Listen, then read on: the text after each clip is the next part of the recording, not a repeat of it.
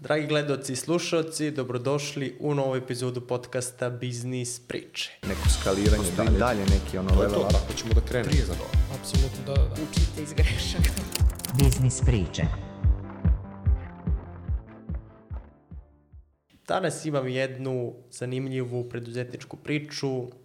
U pitanju je ko-osnivač, co-founder srpsko-američkog startapa koji je dobio jednu od najvećih investicija u srpski startup, u pitanju investicija od 20 miliona dolara. U pitanju je Luka Trikić, čovjek koji pre toga imao niz uspešnih i neuspešnih startupa, mnogo naučio na, na tom putu, je jedna pre svega mlada osoba, možemo da reći mlada osoba, Pa, 30 godina, da. 30 godina da zaokružimo. Luka, dobrodošao u Biznis priče. Hvala Vlado, hvala na pozivu. Ćemo da krenemo od onog samog starta, bilo je tu svega i kripta i programiranja. Ti si završio matematički fakultet, programer po struci, Tako je, da. Tako je, tako je. Međutim, sam start uh, je zapravo počeo pre nekih 20 godina i moja IT karijera je počela bez da sam ja znao da ona počinje tada. Uh, ja sam imao 10 godina uh, i Uh, u školu našu su došli neki fini ljudi, radili su neke testove nad nama, ja sam posle uh, ukapirao da su to IQ testovi i igrom slučaja uh, se ispostavilo da sam ja bio u top 30 dece u mojoj generaciji i poznan sam da idem u uh, školu za talentovanu decu, System Pro, postoji i dalje, sjajna škola, um, gde sam išao uh, zapravo svakog vikenda rano ujutru, u tu školu i mi smo relativno rano počeli da, da učimo C, C++, web tehnologije, pa čak i robotiku i tako dalje i tu zapravo počinje um, moja ljubav prema IT-u i prema programiranju. Jel te zanimalo u tom trenutku programiranje ili... Uh, jeste, jeste, jeste, meni je to bilo fascinantno, uh, kako to sve radi, kako je to moguće, ja sam bio oduševljen s tim, nisam baš bio oduševljen s tim da vikendom ustajem u pola sedam, šest i da idem u tu školu, to, to nije baš bilo naj... Ali isplatilo se iskustvo. kasnije. Da, kasnije se isplatilo, ali vremenom sam i zavolao i, i nije mi bilo teško, bilo je jako, jako lepo iskustvo. I završaš tu školu, upisuješ matematički fakultet, tako? Tako je. Tako Kako si je. došao do, do toga? Logično ili... Pa više sam, da, logički sam razmišljao. Ja sam teo da se bavim nekim obnovljivim izvorom energije, to me je zanimalo, ali nisam video perspektivu tome u Srbiji tada a, i odlučio sam se za neku perspektivniju industriju, to je bila IT industrija i želeo sam da upišem sada da se neki ne urede, verovatno, a, najbolji fakultet za, za to, upisao sam matematički fakultet a, i to uspešno završio. Šta si radio paralelno sa, sa fakultetom? Ti si pre toga krenuo da, da radiš, Da. pre fakulteta. Da, Šta da, si da. radio? Krenuo sam da radim sa 13 godina. Primio sam razne poslove, tada kada sam bio uh, tinejdžer. Sećam se, najlepši posao mi je bio, izdavao sam trena na, za odbojku na Adi. To je bio jedan prelepi, prelepi posao, letni posao. Tu sam baš uživao. Posle sam razne poslove ovaj, promenio. A za vreme studija sam bio spasilac. Ja sam igrao vaterpolo ozbiljno uh, pre, pre fakulteta i uh, na kraju srednje škole je bilo hoćeš vaterpolo ili fakultet. Ja sam rekao naravno fakultet. I onda sam vaterpolo zamenio spasilaštvo. I onda sam zapravo pet godina tih uh, studija bio spasilac celo vreme. Full time sam radio na košutnjaku na bazenu. Zanimljivo je to kako si uklopio full time posao i fakultet. Uh, pa jeste, jeste. Možda sam i tu malo imao sreće. Uh, ja sam relativno brzo postao šef spasilačke službe tamo sa 20 Jel godina. preko veze ili... ne, nije, nije. Mislim, čak i ta priča kako sam ja došao tamo je bila jako čudna. Ja sam položio taj kurs za spasioca uh, i uh, mi smo, to je bio maj, na primjer, pre, pred sezonu i nismo imali posao, ja i drugar, i šta ćemo, kažemo, ajde idemo od bazena do bazena i da se nudimo. I mi otišli na košutnjak, prvo smo bili na Adi, na Tašu, tu su nas potpuno ladili i dolazimo na košutnjak, dobar dan, dobar dan, mi smo došli za posao za spasioca, oni kaže, e, pa stigli ste. Mi kao, da, da, da, stigli smo. mi kao, da, da, stigli smo, stigli smo. I oni kao, aha, izvolite, dajte, aha, aha, i oni nas prime. Da li su oni čekali nekog, šta je bilo, ja ne znam, ali su nas primili. Uh, bez ikakve veze, mi smo samo cold ušli na vrata od sportskog centra. I onda sam ja bio spasilac, pa sam bio prilično odgovoran uh, i relativno brzo postao zamenik šefa, pa onda nakon toga i šef cijele spasilačke službe na Košutnjaku, pa sam mogao da uklapam sebi smene tako da stignem da idem na sve vežbe, sva predavanja i da, i da radim puno vremena. Kad kažeš to odgovora, šta znači to konkretno u tom poslu? Pa, uh, to je jako specifičan posao. Znači, uh, nisam nikad gledao u telefon dok sam bio na poziciji, uvijek sam bio prvi, dolazio pre vremena, ostao do kraja, jako sam odgovorno shvatao uh, taj posao, neki drugi su manje to odgovorno shvatali i to se videlo. I ona ta šefica tada je uh, mene stavila da budem uh, šef spasilačke službe i onda sam bio sam jako dobro organizovan, pravio sam te rasporede, izveštaje, čak neki koji nisu imali pre toga, ja sam mislio da fale. uh, i onda se ona oduševila i tako smo radili, da. I onda si uklapao fakultet, kako si izgurao fakultet, je li ti bilo zanimljivo? Jest, uh, jeste, jeste, bilo jako zanimljivo. Um, sećam se babskih priča pre što sam upisao, ma gde ćeš, matematički, to je težak, tamo profesori mrze studente, to je užas. Ja nisam verovao to ništa i, i bilo je jako zanimljivo. Sad ne mogu da kažem lako, učio sam dosta, bilo je puno rada, čak sam m, imao moju tajnu metodu da na neke vežbe predavanja idem dva puta u toku iste nedelje, ako sam vidio da je nešto teško, da ne mogu na prvoj vežbi da, da ukapiram, ja odem opet kod drugog asistenta, oni nisu znali da sam ja to radio i ja sam tako neke najteže predmete e, polagao, da. I krenuo si da radiš paralelno, u kojoj godini si krenuo da, da radiš nešto što ima veze s programiranjem ili šta je tu bilo prva? Uh, pa, ja sam pre nego što sam diplomirao, sam krenuo da radim jednom outsource ovde u Beogradu i radio sam, da, kao, kao junior inženjer sam počeo da, da programiram. Da rekao si mi da su ti te prve dve godine na tom poslu generalno najveće, ne traćenje vremena, ali si naj, najmanje napredovao. Jest. Uh, sad, gledajući u retrospektivi, um, Mislim, sada i treba da otići posle temu outsourca i outsource modela, ali ja sam upao na neki projekat gde je bilo održavanje, ja praktično tamo dve godine nisam ništa radio, ništa učio, ambicije u meni su bile potpuno utišane i navikao sam se na neki, da kažem, pa mogu da kažem nerad, eto, slobodno. Kad kažem održavanje za ljude koji ne znaju, šta znači? Pa ništa, mislim, to je bilo jako, jako malo posla. To je dva, tri puta nedeljno bilo da promenim neku boju na nekoj liniji ili nešto se pokvarilo, ja to popravim relativno brzo i to je to. I šta da radiš u tom slobodnom vremenu na poslu? Pa ništa, ja sam nešto gledao, istraživao, učio, završavao sam i fakultet tada, iskreno to mi je malo odgovaralo tada, ali um, nije, to, nije to dobar posao za nekog mladog, ambicioznog čoveka, sigurno da tu možeš da upadneš u zamku, da se navik, navikneš na to i... Vrlo, vrlo, vrlo lako, vrlo lako i, i mislim, i bilo ljudi koji su upadali u tu zamku pa sada dolazili da rade kod mene u firmu i tu je veliki problem bio. Vid, vidjet ćemo i to, doćemo da. do, do tog dela, a u kom trenutku si zagrebao, tada je kripto bio baš, baš aktualan, u kom trenutku ti se susrećeš i krećeš tu neku priču? Da, to je bilo... Um, sredina, možda početak 2017. Uh, ja sam pratio kripto pre toga, vidio sam da to ima neku perspektivu i odlučim da, da, da rizikujem i da kupim neke majnere da se opravu u majniku.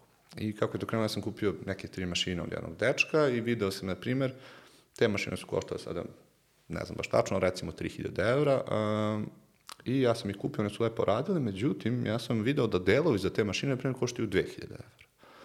Uh, ja sam mislim u sebi, pa ne znam baš da li ovaj dečko dodao 1000 evra vrednosti, nešto mi to čudno. Rekao, ajde da probam ja. I ja kažem, mami, mama, treba mi pare, ja skupio 25.000 evra mojih, mama uzela 25.000 evra, 50.000 evra stavila na sto, I ja poručim delove za neki 20 mašina, na primjer. Kako ti je prvo majka, ajde da se vratimo na to, verovala? Da... Pa ne znam, ne znam ne znam i dan danas. Kad ima neku ludu ideju? Luda ideja bila načisto luda. Šta si ti rekao, je, uložimo ovoliko, rekao, dobijemo ovoliko? Rekao, mama, to je to, uložimo ovo, zaradit ćemo 100%, ako nije 100%, ja garantujem sad, inženjerski posao je dobar, mogu da nađem pla, platu dobro, relativno lako i da vratim taj novac, nije, nije se on ne brinu, on, mislim, mi verovala mi, ne znam, jedna je mama sad, ne. Da, da, i onda sam um, poručio te delova, oni su stigli, to je bila jedna velika, velika količina delova tih grafičkih kartica, ploča i tako dalje. Međutim, ja nisam umeo da sklopim tu mašinu. Nisam znao. Nisi to uračunao. pa, ja sam mislio da će to biti mnogo lakše nego što, što je zapravo bilo. I meni je trebalo, na primjer, desetak dana ozbiljnog ozbiljnog rada, istraživanja i učenja da ja to slopim. Na primjer, svaki dan koji nisam slopio mašinu, ona ne pravi pare. I sad ja gubim, na primjer, sad ne znam, 300 evra dnevno, recimo, što nisu mašine slopljene, što samo sede tu. I ja sam veliki pritisak za 10 dana, 3000 evra i, i izgubio.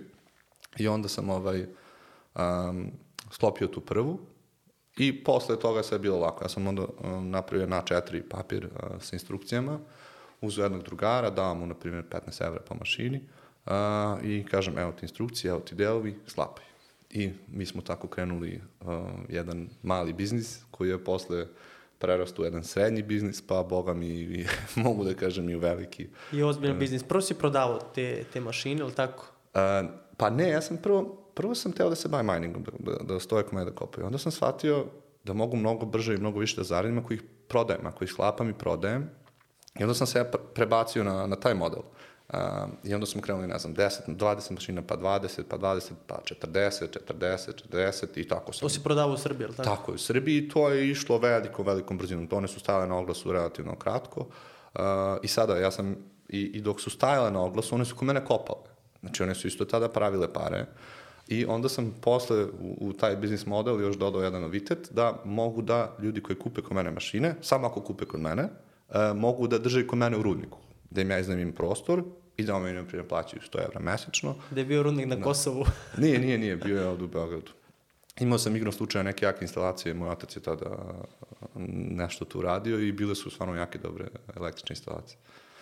I to je vremenom raslo, raslo, raslo i ja sam za nekih, um, ne znam, 12, 13, 15 meseci akumulirao veliki novac, nekako u pozadini, nisam uopšte ni o tome razmišljao, sam samo radio, radio, radio i to je išlo i to je, na primjer, za, ne znam, 15 meseci to bilo 100 bitcoina, na primjer. To je tada vredelo, pa po na onom piku je bilo, na primjer, 2 miliona dolara ili tako nešto. To su bile neke abnormalne, abnormalne pare.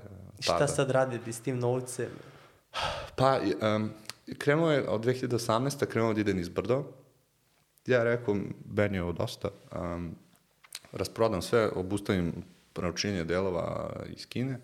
Um, te ljude koji su radili, rastanemo se uh, i krenem da vadim novac polako i onda sam pauzirao neko vreme, iskreno trošeći taj novac, uh, zezao sam se, kupio sam neki baš, baš brzi motor, vozio sam trke motora. Kao Marko Milošević. Pa da, tu smo, tu smo negde bili slični. Ja Marko, s tim što moj tata nije mogao da zatvori autoput baš, ja sam morao da idem na navak. I tamo sam čak i plaćao kotizaciju. Ali... E, jebi ga. da, ali šta, mislim, nije mi bilo loše. Nije mi bilo loše. I neko vreme sam se s tim zezao. Um, I onda shvatio da zapravo ja ne uživam u trošenju novca. Čak sam mogu reći i malo blagu depresiju neku osetio tada. Jer ti kada si mlad čovjek, ti misliš ja ću sve probleme rešiti novce. To, to svako sada ko je mlad misli. Ali onda kad zaradiš novac, shvatiš, aha, pa ipak nije baš to tako, a, nije baš sva sreća u novcu. I onda sam ja zapravo shvatio da sam ja bio mnogo srećniji dok sam radio to, a, dok su te mašine dolazile, odlaze, dok tu je bila energija, aktivnosti, a, pa čak i stresa i nekih, nekih interesantnih događaja. I onda odlučim da krenemo nove avanture. A, I odlučim da recimo 80% tog novca a, uzem raspodajem na nekih desetak uh, start-upova koje ja tadašnji 26-godišnji Luka je mislio da će biti jako uspešni uh, i 20% uložim nešto što ću ja raditi. I tako je bilo, ja sam uzao, uh, raspodelio taj novac na taj način, pokrenuo sam um, sa još par drugara uh, jednu firmu Sonic se zvala, kripto jedan start-up, um, gde sam kupovao tih 20% što je ostalo, tu sam investirao u tu firmu i radili smo, ja sam kupovao te tokene od te firme, na primjer, tog Sonika, uh, i mi smo tu radili nešto, međutim, recimo nakon godinu dana, to je sve, sve, sve otišlo na nulu. Znači, i ovo što sam vama ulagao, i ovo što sam ja radio... Čekaj, ajde, ajde prvo da, da vidimo tih 80%, gde si tu uložio, koji su to startupi Pa to bili? su, to su bili neki uh, kripto startupovi koji sam ja očekivao da imaju dobar potencijal za rast i to bi bilo tačno da to nije bilo kripto tada. Tada su ljudi kripto uzeli bez reputacije, bez integriteta, I ja mislim da je 99% novca koje je otišlo u kripto tada pronevereno na ovaj ili na, na onaj način. Šta su kupili jahte? Pa mislim da su tu bile neke jahte na Mikonosu. Bio sam skoro na Mikonosu, dosta ljudi tamo iz kripta sada Znači, uživaju. tu su tvoje pare završili. Da, tu su vjerojatno neki od njih i moje pare ovaj troši. A koju si logiku imao tad? Ti te ljude nisi poznavao? Da, nisam ih poznavao, ali da, nisam imao iskustva da znam da ne trebaš bez reputacije integriteta uh, ulagati. To su sada neke škole koje sam ja naučio i sada se baš jako vodim time kroz život. Uh, ali da, samo sam mislio da ti proizvodi imaju perspektivu. I verovatno bi imali da su ti ljudi zapravo te pare uložili uh, u to što su rekli da će raditi. Nego su batalili i to je to. Pa sigurno, sigurno, mislim da, zašto bi ti sada nemaš nikakvu kontrolu, nema nikakvih uh, posledica, pa naravno ti dam, ja ti dam 5 miliona da uložiš u, u biznis, ti ćeš da kupiš jahtu. A oni nikakve obaveze nisu imali prema, prema tebi. Pa to je bilo dosta anonimno. ništa, da. Nema, to je anonimno. Ti si anonimno dao tamo ICO neki ili šta god. Čak ni ne znaš ni ko su ljudi, ne znaju ko si ti. Uh, nikakve, nema povratne sprege, da kažem. A po kojoj logici ti možeš posle da, da pokažeš da si ti, ne znam, to uložio, da ti dobiješ nešto. Pa ne, ne, ti, ti držiš te tokene. Aha, okej. Ti držiš te tokene u te, te firme. Sad, ako ti tokeni krenu da skaču, naravno ti možda ih prodaš. Aha, ali nije, ne- nije bila klasična ona investicija da ti uložiš ne, u ne, ne, startup, ne, ne, nego ne, tokeni. ne, ne, aha. preko tokena, preko blockchaina, to je što. I sad ovih 20% uložio si, šta je bila ideja? Koji je biznis? Ah, Taj biznis je bio, uh, mi smo želeli da se bavimo kriptom i videli smo da, na primjer, tad smo već znali da 99% kripto startupova zapravo uopšte ne moraju da imaju kripto u sebi. Oni su samo uzeli nešto i nalepili kripto da bi to bilo kripto, je li tako? A, a mi smo htjeli, ajde da vidimo nešto da bar neku potrebu imamo za kriptom i odlučili smo da krenemo uh, takmičenje u pevanju online, ali da bude globalno i onda da koristimo kripto za kotizaciju i za isplaćivanje nagrada. Zašto da ne bi morali sada 180 i koliko porezkih sistema da znamo kako to ide sa porezom i tako dalje, nismo imali pojma ništa o tome i mislili smo da je kripto mnogo jednostavnije, da, će tu olakšati ceo taj layer naplate i, isplate uh, preko kripta. I Mislim, mi smo tu isto dosta grešaka napravili. Mi smo, na primjer, prvih šest meseci krenuli da razvijamo tu platformu i da pravimo, nismo ni pričali ni s jednim korisnikom. To, to nikakvog, nikakvog smisla sada nema gledajući unazad. Ali sam onda došao na ideju da probamo da napravimo neki MVP uh, i to. MVP za ljude koji ne znaju, možeš samo Ta- ukratko. Da, znači sada to je uh, minimal viable product, ali uh, ima i, i interpretacija da se kaže minimal viable prototype. Uh, znači to je nešto, neka, neke, neke, neka, da kažem, aplikacija ili Prva verzija. prva verzija nečega što ima minimalnu, minimalnu funkcionalnost, a može zadovolji korisnika. I mi smo zapravo to jako, jako uspešno uspeli da uradimo na Instagramu. A, mi smo napravili ta takmičenja na Instagramu i oni su samo kačili te videe, mi smo isplaćivali nagrade u kriptu, bilo je besplatno da se prijave i tu su se ljudi prijavljivali kao ludi. Znači vi ste batalili na razvoj sajta i prešli na Instagram. Da, samo Instagram. I rekao, ajde da se posvetimo korisniku, da vidimo šta je product market fit ili mi možemo nešto da napravimo od ovoga, ali ima interesovanja. I interesovanja je bilo dosta. Um, većinski su to bili tinejdžeri, uh, ali je bilo neverovatno. Mi smo, na primjer, u roku od 3-4 nedelje kad smo krenuli, to više nismo mogli stig da stignemo da odgovorimo svima na poruke i, i, i na zahteve. I onda smo još zaposlili, mislim, dve devojke da, da, da nam pomognu oko toga. Tako nešto je bilo. Da, to je baš eksplodiralo. I tu je bilo nečega sigurno u tom, u tom modelu i taj biznis model je mogao da se razredi, e, međutim mi smo ostali bez novca. A, kripto je bio u beru, znači padao je a, intenzivno, a, investitori su bili jako bojažljivi, mi smo ostali svi bez novca i tu smo nekako tu priču završili. Znači svet je ostao bez zvezdica Granda. Pa jeste, da, s tim što su imali mogućnost da pevaju šta god žele. Ako je neko pevao da žele da peva Madonu, a neko da peva Žareta i Gocija, mogo je da... Moglo je sve. Da, da. I nakon godinu i po vi ostajete bez novca za taj startup. Tako. Pa malo manje, da, malo manje, malo preko godinu. Ostajemo bez novca uh, i recimo 1. februara 2019. ako se dobro sećam, smo zatvorili vrata kancelarije, m, razlišli smo se sa ljudima i to je bilo to. I šta ćemo dalje? Si potrošio pare? Da, dalje sam e, razmišljao, dalje sam razmišljao, imao sam ponudu da idem u Dubaj, budem tehnički direktor tamo u jednom start-upu, uh, bila je stvarno baš sjajna plata, ne znam, mislim da je 16.000 dolara, tako nešto neto, mesečno, uh, međutim, u tom trenutku dolazi moj stari prijatelj Drew, koji mi je sad generalni direktor, Amerikanac. Amerikanac, on dolazi u Srbiju, on je pokrenuo um, jedan start-up i krenuo je ovde sa inženjerima da radi uh, da prave taj prototip. Uh, I kako to sada beše? Uh, on je... Možda je prvo zanimljivo kako si ti njega, njega upoznao, to je zanimljiva priča. Aha, e, pa da, to je, to je isto interesantno. Um, ja sam radio u tom prvom outsourcu uh, i radio sam na nekom projektu, a Drew je imao projekat svoj uh, tu, tu i uh, koji je bio pri kraju. Znači, to je isto još jedan startup koji je propao.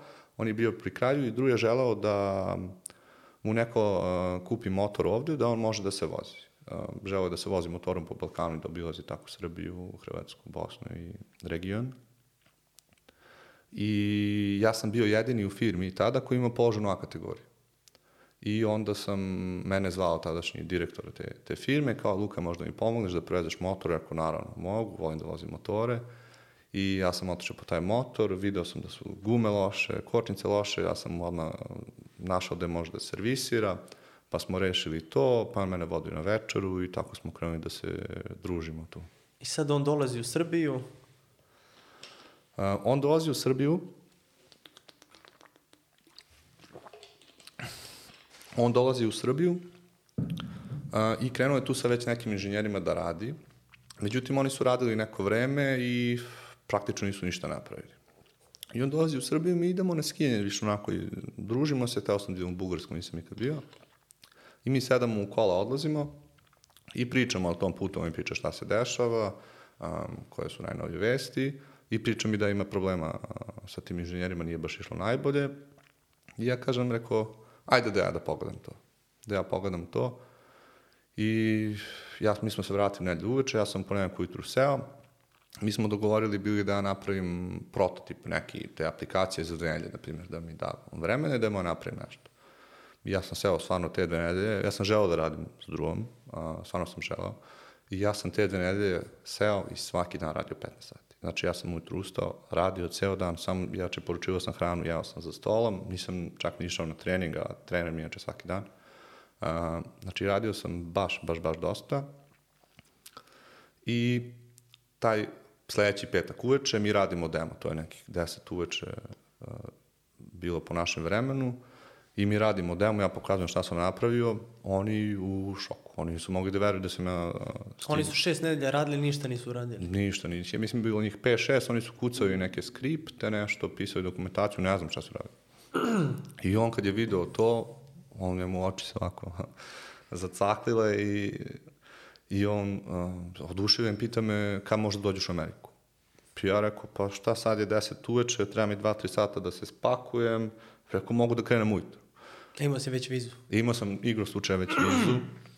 I on kad je čuo to ujutru da krenem, on se tek onda oduševio. Oba mi je poslao kartu, ja sam krenuo u nedelju ujutru, uh, nedelju uveče sam bio u San Francisco. Ti tamo nisi znao ni uslove, ni platu, šta ćeš Ma da ništa, radiš? ništa, ni- ništa, ništa. Ja sam otišao, seo sam samo na mi poslao kartu, seo na avion. Nisam ni ugovor imao, ništa, nisam pojmao koja će mi biti plata. Ništa, ja sam znao da želim da radim s tim čovekom, seo sam na avion i otišao. I ja sam u ponedjak u 7 ujutru bio na, za stolom tamo.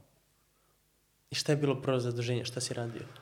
Pa ništa, nastavio sam da, da razvijam to. Sada, u start-upu, ne, pogotovo u toj ranoj fazi, nema tu nekih specifičnih rola. Sada radiš šta treba da se radi i šta je, šta je potreba posla. Ja sam tada bio inženjer. Ja sam tada pisao, ja sam prve dve, tri verzije aplikacije sam, potpuno sam napisao. Nije bilo nikoga. Nije bilo nikoga drugog. Prvi to je bilo prvih dva, tri meseca, na primjer. Da, i onda, onda smo krenuli da zapošljavamo pa sam ja polako tu nekako prešao u, u, u ulogu nekog backend lida. Mi smo celo to vreme tu imali, um, tu je bio jedan uh, head of engineering.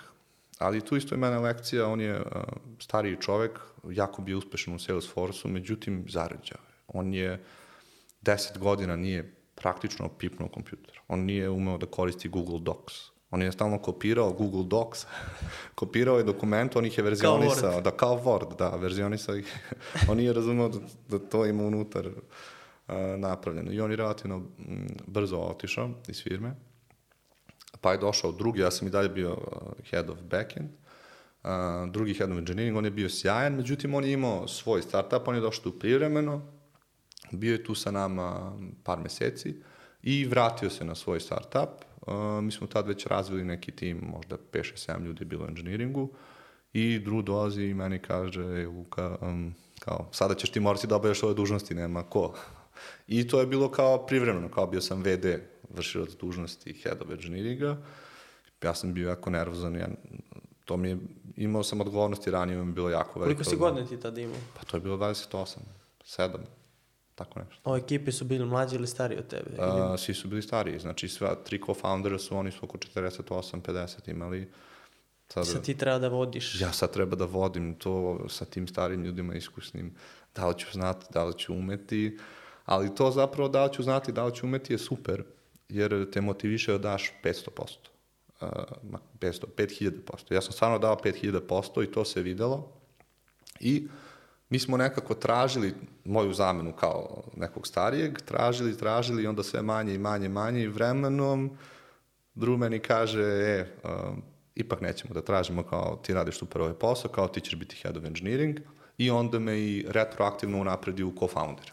Kako je to izgledalo? To je zanimljivo. To, to je bilo jako zanimljivo, jer on je mene pozvao da se prošetamo. Mi smo bili ovde u Beogradu i ja rekao, oj, jao, šta sam uradio sad, nešto sam, nekakvu grešku sam napravio, idemo u šetnju, ja za glavu. Prekrenuo da se znojim. rekao, da, Da, ću da. dobiti otkaz, šta se deša.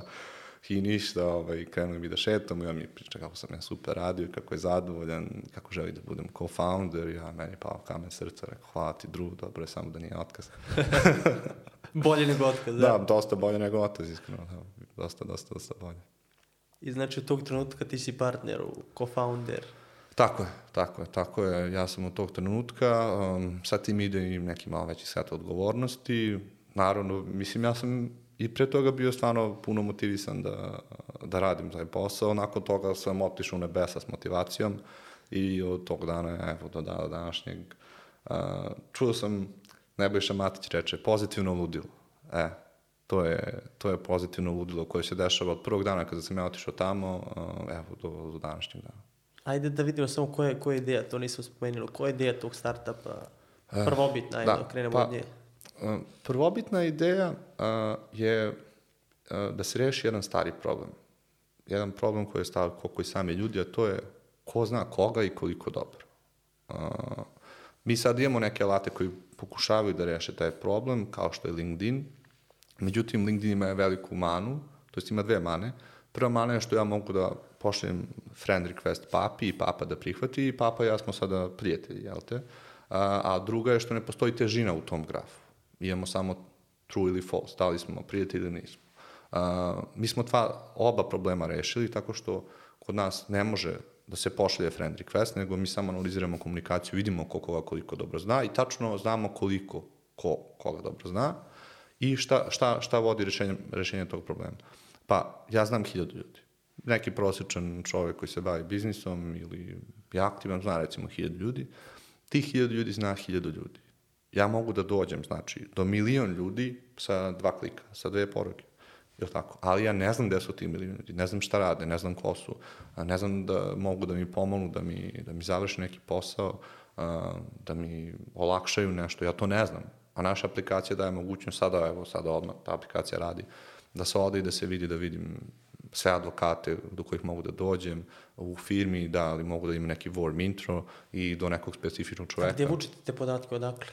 Uf, sa raznih, uh, sa raznih strana. Znači, korisnik nama daje akses uh, praktično na sve njegove naloge i ja mi analiziramo to pomoću veštačke inteligencije, uh, kupujemo dosta podataka od, od raznih provajdera, kupujemo desetine terabajta podataka koji su javno dostupni uh, i onda sve to nekako, da kažem, artikulišemo u nešto što ima smisla. To je kod vas zanimljivo da su te baze ogromne, da vi po korisniku, koliko si mi rekao, da Ogromne, uh, ogromne, ogromne. To je jedan ogroman tehnički izazov. Uh, zapravo, to su stotine miliona redova u tabelama samo za jednog korisnika, kažem, desetine terabajta podataka koje obrađujemo samo da bi razlučili da li se neko zove Milan ili Miloš uh, i da li radi, ne znam, u Microsoftu ili u Google.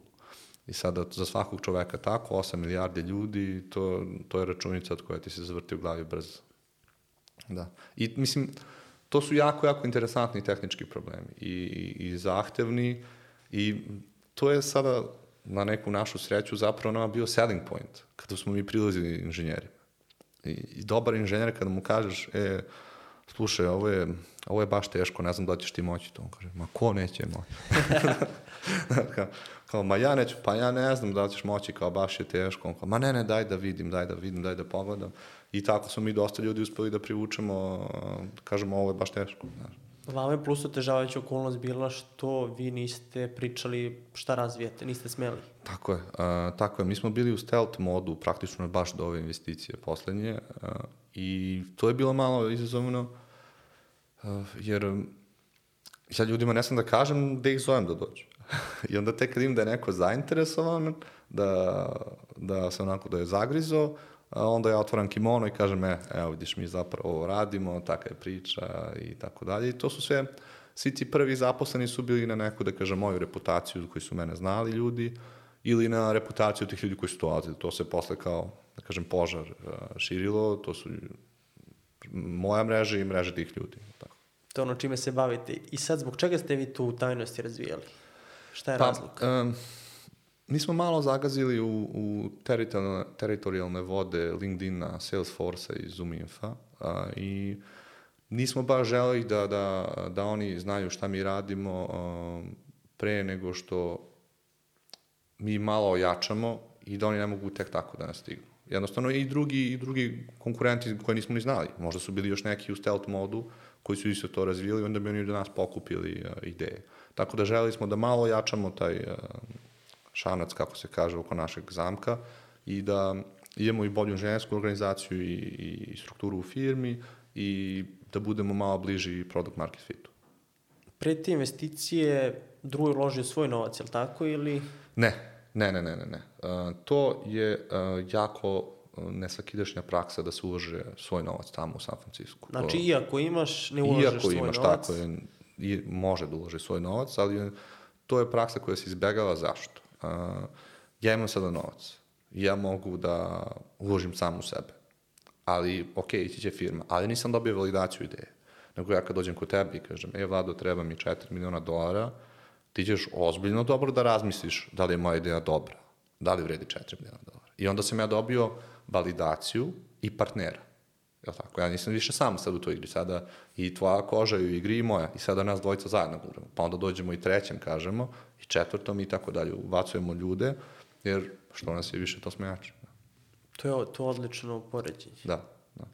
Znači, on je našo partnere za tu prvu rundu investicije. Da, da, da. I razvija se u tom trenutku u Americi. Ti si otišao tamo, tamo se razvija. Uh, pa da, da, da. Uh, uh, ja sam tamo otišao kažem, seo sam na avion, samo je otišao i plan je bio da ja ostanem tamo, da mi napravimo meni neku radnu vizu ili šta god treba da, da ja ostanem tamo.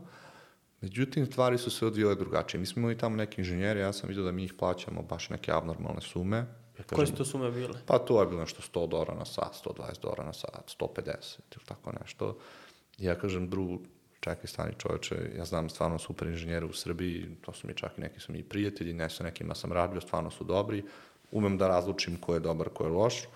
Um, I mi polako krenemo jednog po jednog da ubacujemo što inženjera, što dizajnera, što frontend, što backend, um, pa čak i neke meke, ljude koji su nešto ručno radili, customer support i to je krenulo nekako organski da raste u Srbiji, sasvim prirodno, nismo mi ništa sada tada nešto odlučili, pa čak i profesorka moja s fakulteta se isto zainteresovala, pa je ona a, došla u Čekaj, oni su radili remote ili ste se preselili? Tada su svi radili remote, u početku. Aha. U početku su i radili remote, međutim, vrlo brzo a, smo mi videli da, na primjer, u Srbiji ima desetak, 15 ljudi, a u Americi bilo nas četvr. Ja kažem, dru, dru, ajde da se vratimo u Beograd i da otvorimo kancelariju. kaže, ajde. I tako smo se vratili, uzeli smo neki stančić na Vračaru bili i tako smo krenuli. Da. Znači, prebacili ste iz Amerike startup u Srbiju da se razvije ovde? Pa prebacili smo najbolje. Prebacili smo, uzeli smo najbolje od oba sveta. Uh, tamo imamo marketing, business development, investicije uh, i customere pre svega, a ovde koristimo sjajan srpski talent uh, po sjajnoj ceni i imamo stvarno jednu kombinaciju koja je dobitna. I sad vi kad ste prebacili, dolazite do te investicije od 15 miliona. U kom trenutku to dolazi? Tako je. Mi smo, mi smo razvijeli to i osetili smo da, da smo blizu product market fita, ali da nam treba neka jača investicija. Ovo što radimo je jako kompleksno, treba puno inženjera, puno ljudi, puno truda da bi se to napravilo. I onda smo odlučili da, da dignemo dalje novac. Od koga ste našli to? To je bio Norvest. Mislim da on je bio čak zapravo i prvi od, od koga smo tražili. Opet kažem, Drew ima sjajnu reputaciju, veliki integritet u tom svetu i onda te stvari idu dosta lako. Dosta lako ide kada se zna ko je Drew, šta je sve radio, da ima čist dosije od prvog dana do dana današnjeg. Mi smo vrlo, vrlo lako poređenju sa nekim drugim firmama digli tu investiciju, koja je, koja je bila malo neobična, jer mi smo, na primjer, tada imali 600 testnih korisnika, aplikaciju koja je bila prototip i nije bila skalabilna. I oni su nama na to sve videli ipak potencijal i, i tima i proizvoda i dali nam 15 miliona dolara. Nama je to bilo potrebno za šta? Za širenje tima, marketing? Tako je, pa prvenstveno za, za širenje inženjerskog tima i onda za, za skaliranje proizvoda. Trebalo nam je još korisnika, što više korisnika imamo, to brže učimo uh, i naša aplikacija ima network efekt. Znači, što više imamo korisnika, to, To je vrednije. ona, to je vrednija za pojedinačnog korisnika. Je li tako? Što, Pa kao Facebook, Instagram. kao Facebook, kao telefon, tako? Ako zovem sam, ako ja jedin imam telefon na svetu, nemam koga da zovem. Da. To je to. Uzeli ste, uzeli ste investiciju, rekao si u šta su oni ulagali, iako niste imali. Jeste imali biznis model u tom trenutku? Kako ćemo mi da pravimo pare ili... Pa ne, nije teško unovčiti to kada se napravi. Znači, kada se napravi ta, ta baza podataka koja radi stvarno kako treba, to nije nikakav problem unovčiti i to su investitori videli. Um, razmišljali smo o tome, ali ne previše. Više razmišljamo o tome da se to napravi da radi kako treba. I da, da stvarno ljudima pružimo vrednost, a kada pružiš vrednost u unovčavanje, to nije neki veliki problem. Nakon investicije smete da pričate o ideji, čutali ste dosta. Da. Zašto, zašto ste u ovom trenutku, ili to znači da ste ojačali, imate, da kažem, ograđen taj bedem? Pa uh, i da i ne. Uh, u ovom trenutku smo to uradili um, zato što nam je trebalo još korisnika. Trebalo nam je još korisnika i nije to već bilo održivo u, u nekom stealth modu da se traži. Tako da morali smo, jednostavno morali smo da, da presečemo tu vrpcu i da prođemo uh, kroz ta vrata uh, da bi jednostavno rasla firma dalje. Plus i zaposlene možeš tako lakše da I ubaciš. recruiting, da, postaje sto puta lakše. Da. To je zanimljivo da si profesor sa, sa fakulteta ubacio u ekipu. Jeste, jeste. Um, ja sam, mi smo imali neki projekat um, iz mašinskog učenja i ja nisam znao nikog da se time bavi. Ja sam pisao profesoru u mom fakultetu, on mi je rekao, ja se ne bavim tim, ali znam ko se bavi, preporučuje me na Jelanu. Uh, I onda je ona krenula da radi to po projektu. Uh, imao je samo projekat koji je trebalo završiti, međutim, mi smo se, da kažem, uh, jako lepo i družili i razumeli i, i njoj se svidio projekat, ona je stvarno ekstremno talentovana i, i mislim baš, baš jako vredan član našeg tima. Uh, I onda je ona prešla da radi sa nama praktično full time.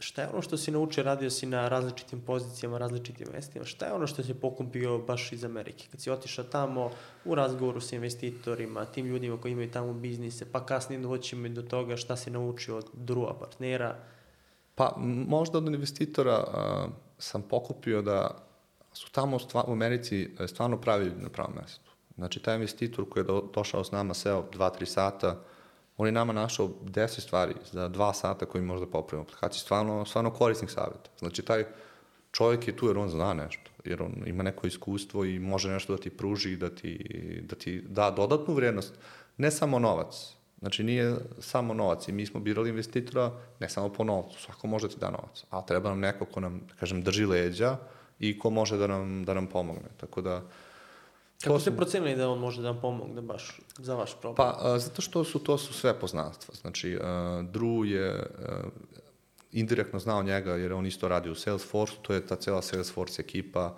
uh, sada moj co-founderi Ian i Drew su iz Salesforce-a, Jamie isto i sada Scott isto bio u Salesforce-u, znači oni su svi neki alumni uh, te, te kompanije i oni se znaju.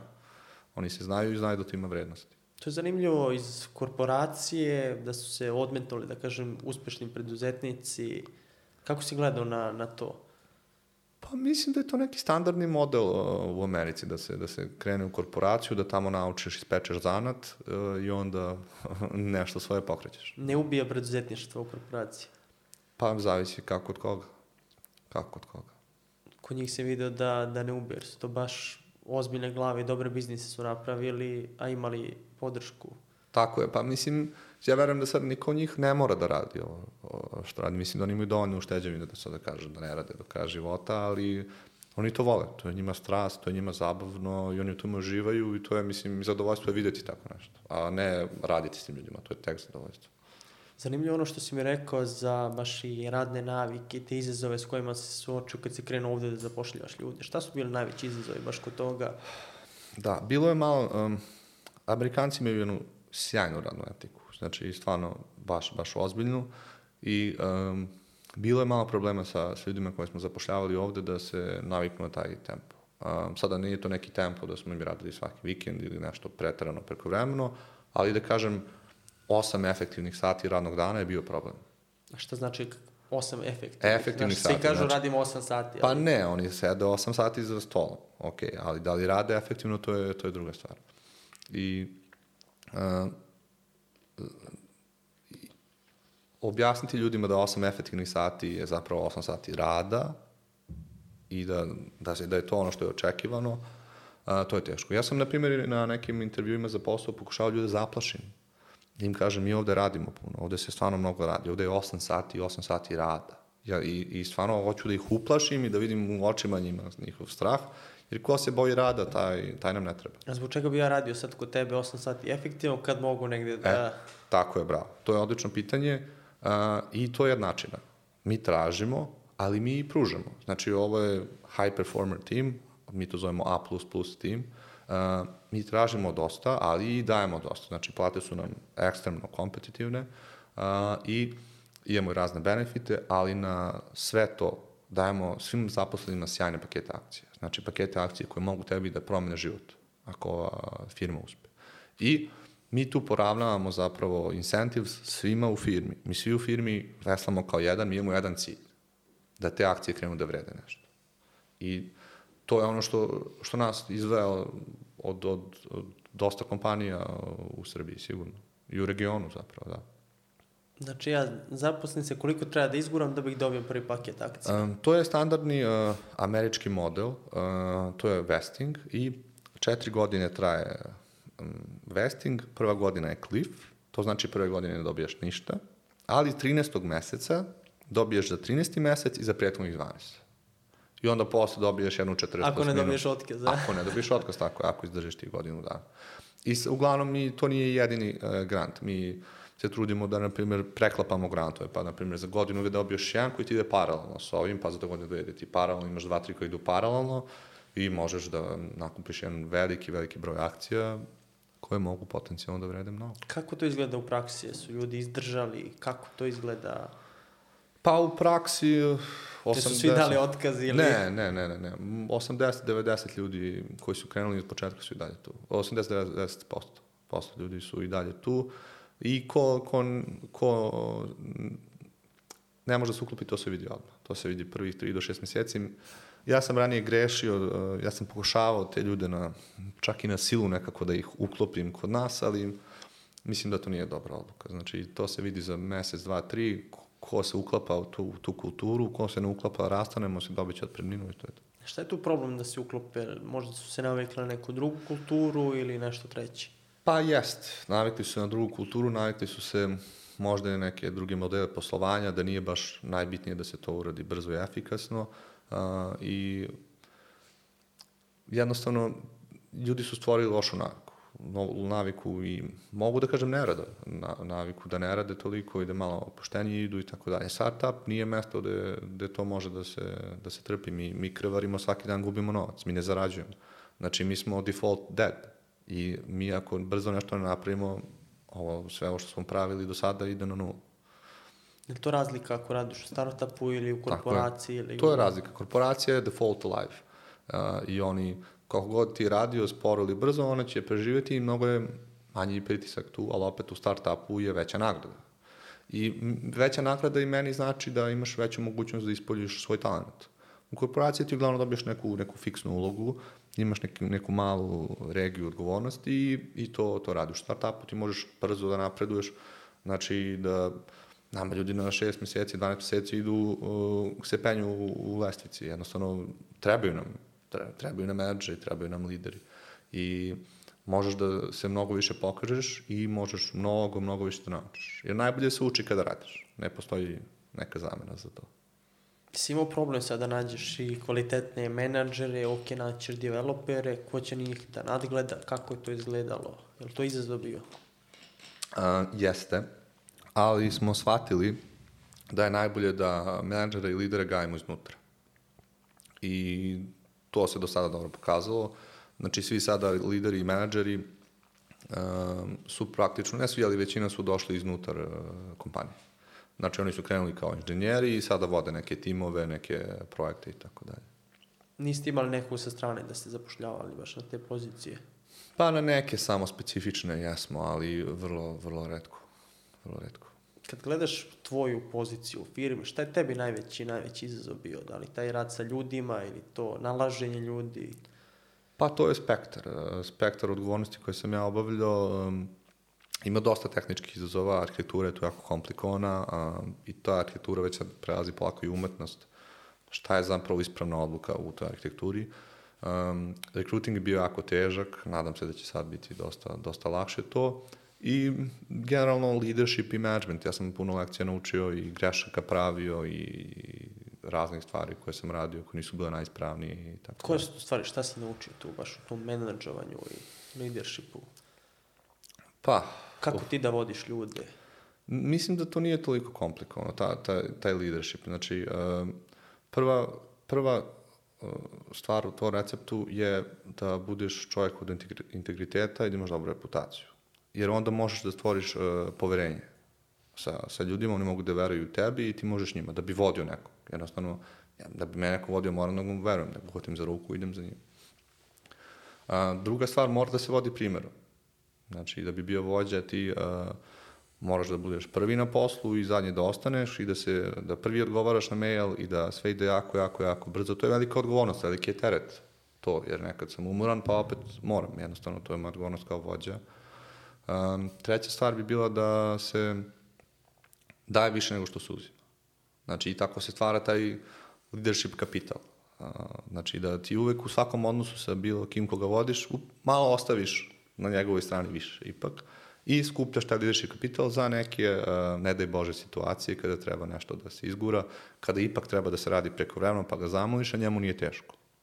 Da, neko će reći lako je njemu neko founder, kako neko ko je menadžer u toj situaciji da ima iste te motive, da daje više, da gura više, da dođe prvi na posao. Pa, um, znači imamo tu, da kažem, materijalnu motivaciju, naravno, uh, s jedne strane, a sa druge strane, uh, i oni mogu da, da budu dobri lideri. Znači, oni mogu isto da, da primenjuju sve te metode ispravne uh, i da i da uče, da nauče nešto od ljudi koje menadžuju i da ih ispravno menadžuju. Tako da... Ne si imao to, tu proveru, da kažem, autoriteta, da osjećaš da te proveravaju konstantno, da plus kad si radio, kad si vodio stari tim, da kao šta on ima 28 godina, šta će on mene da vodi? Jeste, bilo je... Bilo stresno. Stresno, jeste, veliki je to pritisak. Veliki je to pritisak voditi ljude koji su stariji od mene i čak i iskusniji od mene. Sada, sada naš arhitekta isto on ima 40 godina. Um, ja sam njemu sada praktično šef. To je uh, veliki pritisak i velika odgovornost. Um, ali opet s druge strane, to je opet i dobro. Dobro da onda se trudiš i daješ stvarno hiljadu posto sebe i trudiš se da ne napraviš nikakvu glupost i da ne uriš ništa loše. Evo sad snijamo, ti si posle koliko godina na, na odmoru? Jeste da, evo sad baš dok snimamo, uh, mi smo skoro tri godine sada radili i mislim da od co-foundera niko nije uzeo ni jedan slobodan dan ili tako nešto, da bi bio bolestan. Ja sam, imao sam koronu par puta i bio bolestan, to se radi najnormalnije. Znači, ja možda radim iz kreveta, ali radim online, sam dostupan, odgovoram na poruke. I evo sada smo odlučili posle ovog vremena da ipak možda idemo malo prebrzo i da je bolje da se malo uspori, pa smo odlučili da cela firma je uzela sada slobodno u prvu nedelju januara i tu smo se malo odmorili i iskreno ja sam sad iskoristio da, da stignem neke repove da, da zatvorim koje mi se vuku i malo i čak i da razmišljam više. Imam neku rutinu da razmišljam svakog jutra, ali ovo je sada, ovo je dosta, dosta bolje. Doći ćemo i do tih dnevnih, da. dnevnih rutina. Jesi imao problem sa burnoutom, da pregoriš? I te kako. kako je to izgledalo? Evo sad izgledalo, bilo je sad. Um, jednostavno, um, malo je nezgodno kada čovjek voli to što radi, kada se udubi, ja mogu da sedem na posao u 9 ujutru i da shvatim da je 11 uveče. Da, da, da mi je prošlo 13 sati, ne znam ni kada se to desilo. Ja, ja se čudim čudom. Nije mi jasno. I onda to kada se spoji 5, 6, 7, 10 dana za redom, telo jednostavno ne... Nije to uh, dobra stvar da se radi telu. I onda kreće taj burnout i onda mora da se to leči. Pa jesi znao da, da prepoznaš u kom je trenutku došao ili... Pa prepoznam, da, prepoznam, odem na vikend negde, samo promenim lokaciju, pojačam malo trening, pojačam meditaciju, malo i prestanem da radim, uzem jedan dan da ne radim i čak samo gledam u plafon ono, i odmaram mozak i to je, to je korisno. I sad kad nađeš pitanje šta tebe vuče da sve to radiš, pre toga si imao i projekat eh, gde si radio sa kriptomašinama, gde si zarađivao dobro, ali to nije nešto vozilo da si mogu ti to da radiš na duže staze. Sad imaš nešto što ulažeš maksimum, šta je to što te vozi? Pa, uh, učenje. Učenje, ja učim, svakog dana naučim nešto novo i prilika da učim od druga i od ovih ostalih ljudi sa kojima radim je neprocenjiva. Neprocenjiva i Mislim, to je razlog zašto sam se malo odmah kod kripta. Tamo dosta ljudi ima bez reputacije, dosta ljudi koji imaju samo novac, ali ima dosta mesta gde možete uzmeti samo novac. Treba vam i znanje i novac. to je ono, i neko da vam kažem, drži leđa. Tako da, meni je ovo sjajna prilika, stvarno napredovao sam sada za tri godine, više nego za ceo život kad se berem što sam radio.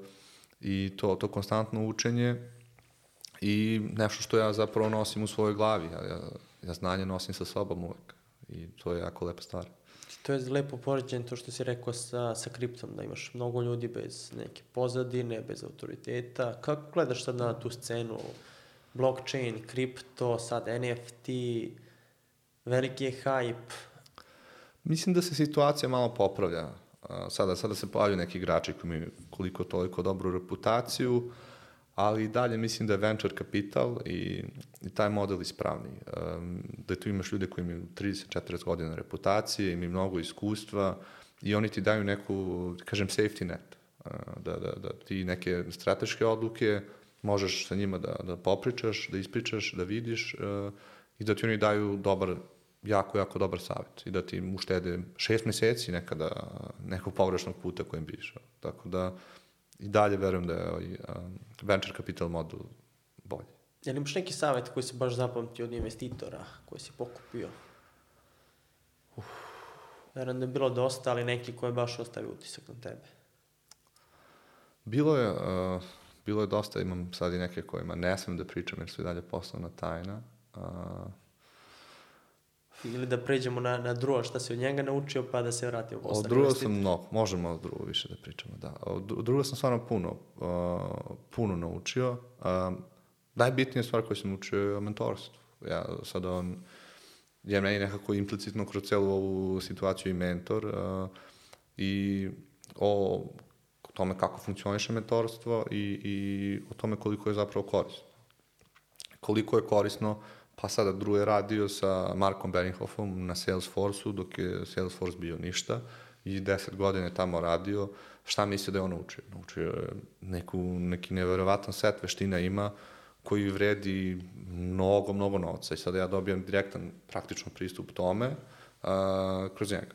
I to je nešto neprocenjivo. Ja ne mogu da odem na fakultet i da kažem dajte mi 10 godina Salesforce-a od ispita da položim, ili tako? Nema nema um, i to je jako lepa stvar, ali sa druge strane uh, morate nešto i da pružite. On je video da, da ja stvarno hoću da, da učim i da radim i da napredujem, da sam spreman da, da stvarno zagrizem i on je to nagradio. Mislim, ja njemu stalno, mi se stalno šalimo, ja njemu kažem, uh, ja mu kažem, Dru, nemoj da kažeš mom šefu, ali ja bi ovaj posao radio i za džab.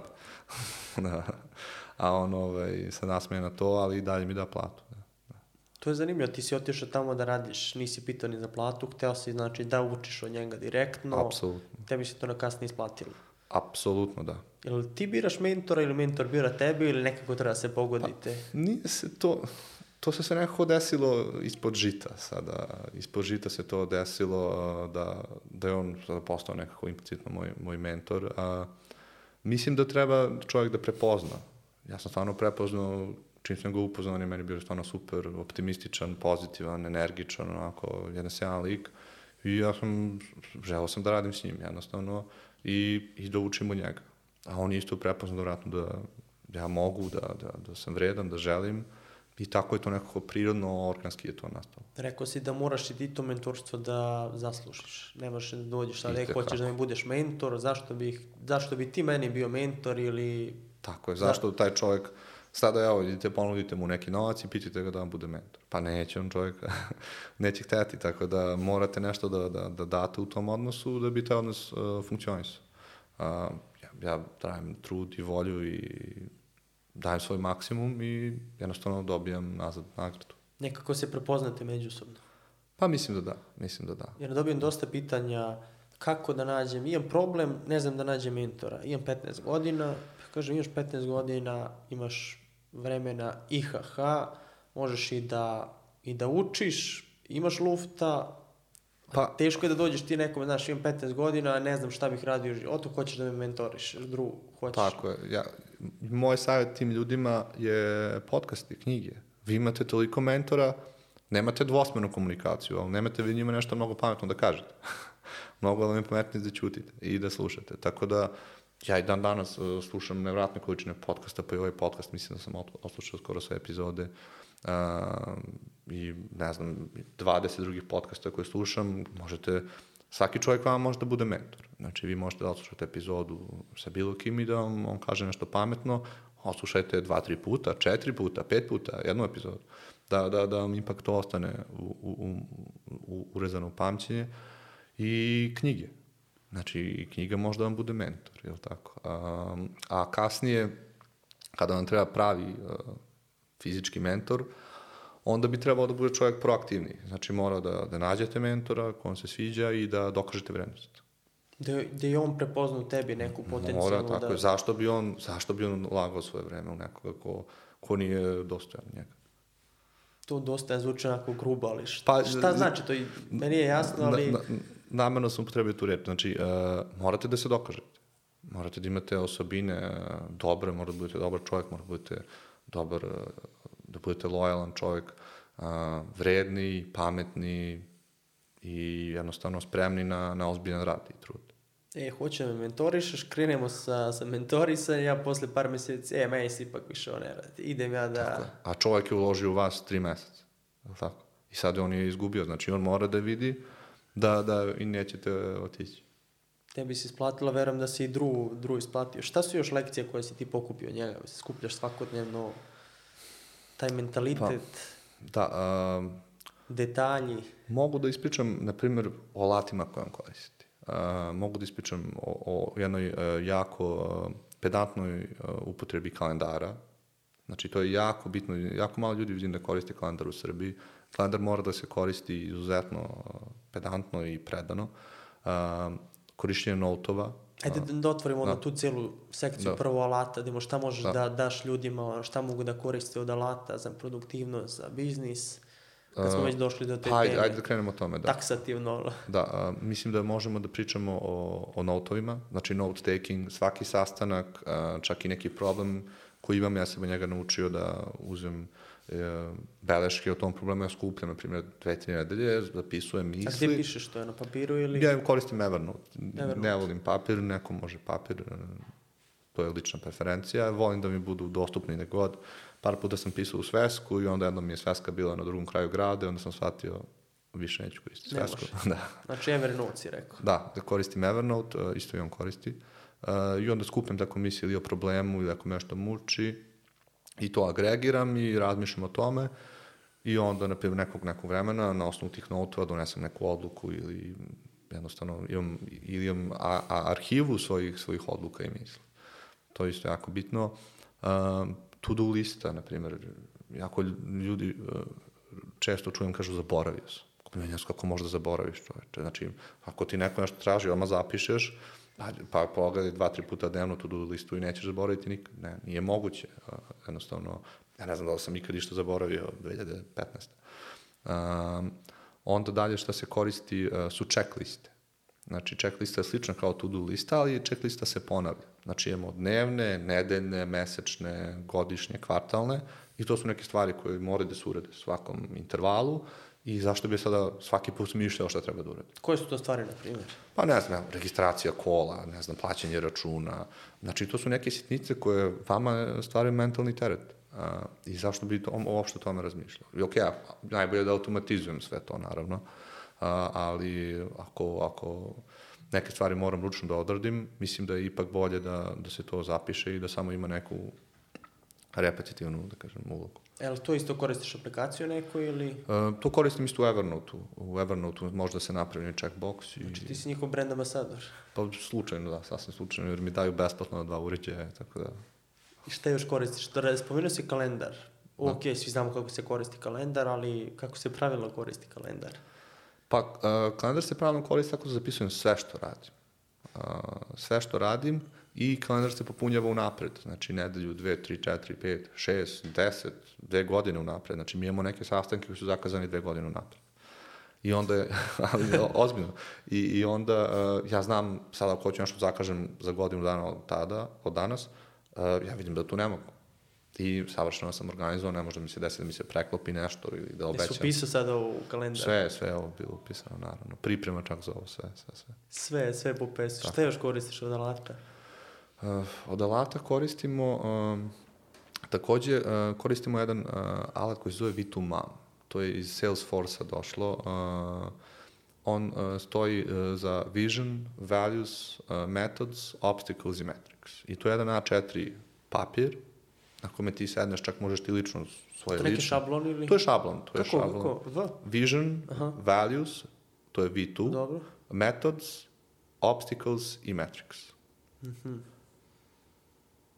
Tako, i to je jedan šablon gde ti sedneš, razmisliš o svim stvarima koje tebe lično pogađaju, ali i kao kompaniju. I, na primjer, na svakih šest meseci uh, leadership team se skupi, odemo uglavnom na neku uh, egzotičnu destinaciju uh, i tamo pravimo taj vitu mam, ne znam, šest, sedam dana, pričamo o tome šta će naša kompanija raditi na šest meseci i uh, za svaku tu stavku šta, šta, šta treba da Na, napiše. ko- na koliko je prepor se da se radi? Na šest meseci, Šest meseci. da. Da, da, da. Idemo dalje sa alatima. Uf, mislim da sam nabrojao sve, verovatno. To su alati koje koristiš svakodnevno za organizaciju, za biznis. Tako je, tako je. Ne, ne, pa ne postoji više uh, biznis i privatno. Uh, meni je to sada sve integrisano u jedan kalendar, jedan, checkli, jedan checklist imam privatno i biznis, jedan to-do listu privatno i biznis. Uh, još jedna stvar koja se zaboravio, to je inbox zero. Dosta ljudi vidim sada uh, email, imaju i imaju 4000 poruka u inboxu. Kako oni znaju na koju su ti 4000 odgovorili, na koju nisu i da li im je promaklo nešto. Znači, poruka čim stigne, uh, ako se odradi actionable s poruke, ona se arhivira. I inbox uvek treba da bude nula. I stvari koje stoje u inboxu, to su ti zapravo itemi na kojima treba da radiš. Da je nešto uh, što, što zahteva tvoju pažnju sada i ne možeš da arhiviraš dok ne rešiš taj actionable. Inbox zero. Da. Treba bi uh, slušalci da izgooglaju to i da krenu E, to da da. Je postoji neki add-on za, za to ili samo Ne, filozofija? ne, to je da... samo filozofija, to je samo filozofija, način razmišljanja. Jel brišeš te poruke ili... Ne, arhiviram. Arhiviraš arhiviram. samo, Znači uvek mogu da im pristupim, ali mi nisu u inboxu. I meni u inboxu uglavnom je nula. I tebi inbox sad znači prazan, imaš... Pa može sad ima da 5-6 poruka, ali uglavnom je To je blizu to. nula. Da, blizu je nula, uvek. A jesi uvek- očistio od onih sad, ne znam, obaveštenja koje su bespotrebna filtere, ili- filtere, imam filtere. Jako sam pedantan u onom unsubscribe ili čak blok. E, ako, tu je, da, ako probam unsubscribe, jedno mi ne radi, ja blokiram odmah i reportujem spam. to, Da. to je dobra filozofija. Ima, ima jedan baš dobar trik koji sam našao i koristim ga od tad, da se napravi filter za svaki mail koji sadrži dole unsubscribe, da ide u folder optional i ti bukvalno newsletteri ti ne stižu u inbox, nego u optional Tako i da. uđeš jednom Da. ukoliko i to je to. Filter, da, filter. Znači, može. ubija mail marketing. Uh, da, da, da. Znači, mogu, mogu jako moćni filtri da se naprave, da se dosta stvari automatizuju u Gmailu. Ali na duže staze ti to donosi produktivnost. Pa, ja, mislim, ja gledam svaki sekund sada, uh, jer to se sve akumulira. Sada, taj jedan mail, samo što sam ga pogledao, to je sekund, 5 sekundi, 10 mailova, 10 godina i to je već ozbiljna cifra, sat ili dan. Tako da ti god može da se uštine i da se, da se vrati nazad vreme, zašto to ne uraditi? Kako sad napraviti to? Jel postoji granica između sad ne znam, sitničarenja i korisnih stvari, da kažem, gde ljudi sad uzmu i na nekim sitnicama provode par dana čisto zato što im je to zanimljivo, a na duže staze im to uopšte ne donosi neku... Pa naravno, matematika je prosta. Koliko je moja investicija u to što ću raditi vremenska i koliko ću vremena uštediti? Ne, Nema to. nema mnogo da se tu sada... Jesi većinu tih stvari pokupio od Drua, Jes, ja sam dosta, dosta sam, dosta stvari znači njegova pokupio. škola na, na tacni. Jeste, uh, jeste, to jako, jako efektivan čovjek. Sad možda čak i polu mašina nisam siguran šta je. Kako izgleda tvoj radni dan kad nisi na odmoru? Um, radni dan praktično svaki izgleda isto. Uh, imam neku jutarnju rutinu, uglavnom se budim bez, bez alarma, oko nekih, između 8 i 9 uh, i prvih, na primjer, sat vremena ja uh, ne radim ništa. Uh, uglavnom se izležavam po krevetu, možda malo pogledam mobilni, zapišem neke misli, razmišljam i uh, Mobilne, kad kažeš društvene mreže ili... Pa pogledam nekad, ali samo skeniram, više ne odgovaram. Sad da vidim samo da nije nešto bilo hitno, tako nešto se nije desilo. I šta ako bude hitno, ti Pa nemaš tih sat vremena. a? odgovorim, da, ako je hitno, ali to je redko. I to sam pokupio od Navala Ravikanta, on to zove Brain Inbox Zero. Znači, ujutru mozak pustim da on da on sam obradi šta treba da obradi, tako nekak pola sata, sat, nekad i sat i po bez nekog pritiska. Uh, onda ustajem, meditiram 25 minuta, uh, znači to je vođena meditacija, uglavnom samo... Aplikacija neka. Headspace ja koristim, da. A, Kao Bill Gates, a? Jel, jel on koristi Headspace? Da, da, Da, on je da. baš reklamirao, mislim, Aha. preporučio. Nisam, nisam znao. A, I onda, onda ustajem, krećem sa, sa radom, oko 10 sam uglavnom na, na svom mestu, tu me čeka doručak kafa, a, imamo u kancelariji, znači, kuvara, on pravi doručak i ručak svima, a, kafa, voda, sve, sve ti se donosi, ti samo radiš, ne treba da ustaješ da se šetkaš tamo, da pereš sudove, ne znam šta već, da radiš nešto neefikasno. A, I onda radim, oko jedan uvek idem na trening do tri, Uh, i uglavnom možda čak meditiram opet posle toga, zavisi kakav je bio dan. I nakon toga nastavim sa radom, dolazi mi ručak, ja nastavim da radim i radim tako sada koliko ima posla, nekada duže, nekada kraće. Čemu ti pomaže ta meditacija? Meditacija najviše pomaže za neki mentalni fokus. Ja mogu samo da držim fokus, kažem, ja, ja sednem 9 ujutru, 10 ujutru za posao i nekad, na primjer, ako ne treniram do 10 uveče, ja, ja sam toliko 100% fokusiran na to što radim da ne znam šta se dešava sa, sa, sa ostalim vremenom, da, sa, sa ostalim svetom. U tome ti pomaže meditacija? Pa da, da, i uh, pomaže dosta, znači, i u nekim situacijama gde je potrebno da se malo isključe emocije. Uh, To onako surovo zvuči, Pa, ja? e, surovo zvuči, ali e, e, ne emocije kao da budem loš čovjek, nego emocije koje će mi pomutiti razum, koje, koje, će, mi, koje će me navesti na neku pogrešnu odluku. Daj neki primjer, neku situaciju. Pa to su uglavnom međuljudski odnosi sada, na primjer, evo, recimo neko, neko ne deliveruje dobro i sada moja emotivna reakcija je da odem i da, da se izderem na njega i da mu kažem, malo čoveče, urazumi se i tako dalje, ali to nije ispravna reakcija. Ispravna reakcija je da odem da popričam, da vidim šta nije u redu, da da li se dešava nešto privatno njemu u životu i, i tako dalje, neki uzrok postoji tome. Da si imao te probleme sa, da budeš brzoplet, da, Imao sam, imao sam. da hoćeš Imao- brzo da se reši. Imao sam, da, imao sam uh, dosta takvih problema. Nekada čak i malo bez razmišljanja neke stvari radim samo da bi što brže rešio. Imam veliku onu to-do listu i grešio sam da dao sam bio skoro na dečku otkaz ilegalno, nisam poštovao zakon, nisam ni znao tačno kakav je zakon, pa ispalo jako loše. Ja sam samo hteo to da rešim taj dan, pa sam mu napisao poruku po 12 noću, pa ispalo kao da je mobbing i tako je. Nisam razmišljao, išao sam prebrzo, da. Išao Ti si tu išao po to-do listi. Ma tu do listi je rekao samo još ovo da rešim danas, da završim i da legnem da spavam i ispalo je loše. Ali ti je bila frka ona da daš sad otkaz nekome, ono, kao to-do lista, onako zvuči baš... Pa ne, ne, ne, ta odluka je promišljena e, dugo i, i odlučena. A, nije to sad da sam ja za minut jedan odlučio i to, to je duže, smo pričali sa tim zaposlenim i nije išlo jednostavno. I onda idemo to-do lista i Pa onda ga ja ubacim na tu listu pa kad dođe na red. Kad dođe na red uveč u 12. Da, to, to je lekcija jedna koju treba naučiti. Koje su ono stvari, greške koje si, koje si načinio, iz kojih si kasnije mnogo, mnogo naučio? Pa to su najviše greške sa ljudima. Greške sa ljudima i te brzoplate reakcije, emotivne reakcije, gde ipak se ja malo izneriram kad neko ne isporučuje, a možda ima neki razlog da ne isporuči i onda malo i projektom negativne emocije. To je jako velika greška. Jako velika greška. Um, negativne emocije ne treba praktično nikada koristiti niti projektovati. Um, treba imati razumevanja, pa sada ako ne ide, treba da se rastanete, da. da. Ali treba ostati, baš, i baš zato meditacija pomaže ostati miran, uh, i emotivno stabilan. Jer, mislim, teško je, uh, veliki je pritisak i sada čovjek i kada radi, onda sam nekad malo i u burnoutu, ja sam tada i kad sam tu radio malo u burnoutu bio, uh, i ja stalno koketiram s burnoutom, idem ono, do, da. dođem do granice, pa se opečem, pa se malo vratim, pa opet tako igram se. Um, dosta pomaže tu meditacija. To su ono greške što kaže Ameri, failovi, a se pravi ono gluposti na, na poslu. to, to je zanimljiva tema. Mislim, možemo epizodu o tome, da. Mi, pravio sam razne gluposti, pravio sam bio uh, žurke u kancelariji. pravio sam žurke u kancelariji, jedno sam napravio žurku, tek što smo stavili nov tepik i ti sam dole bio.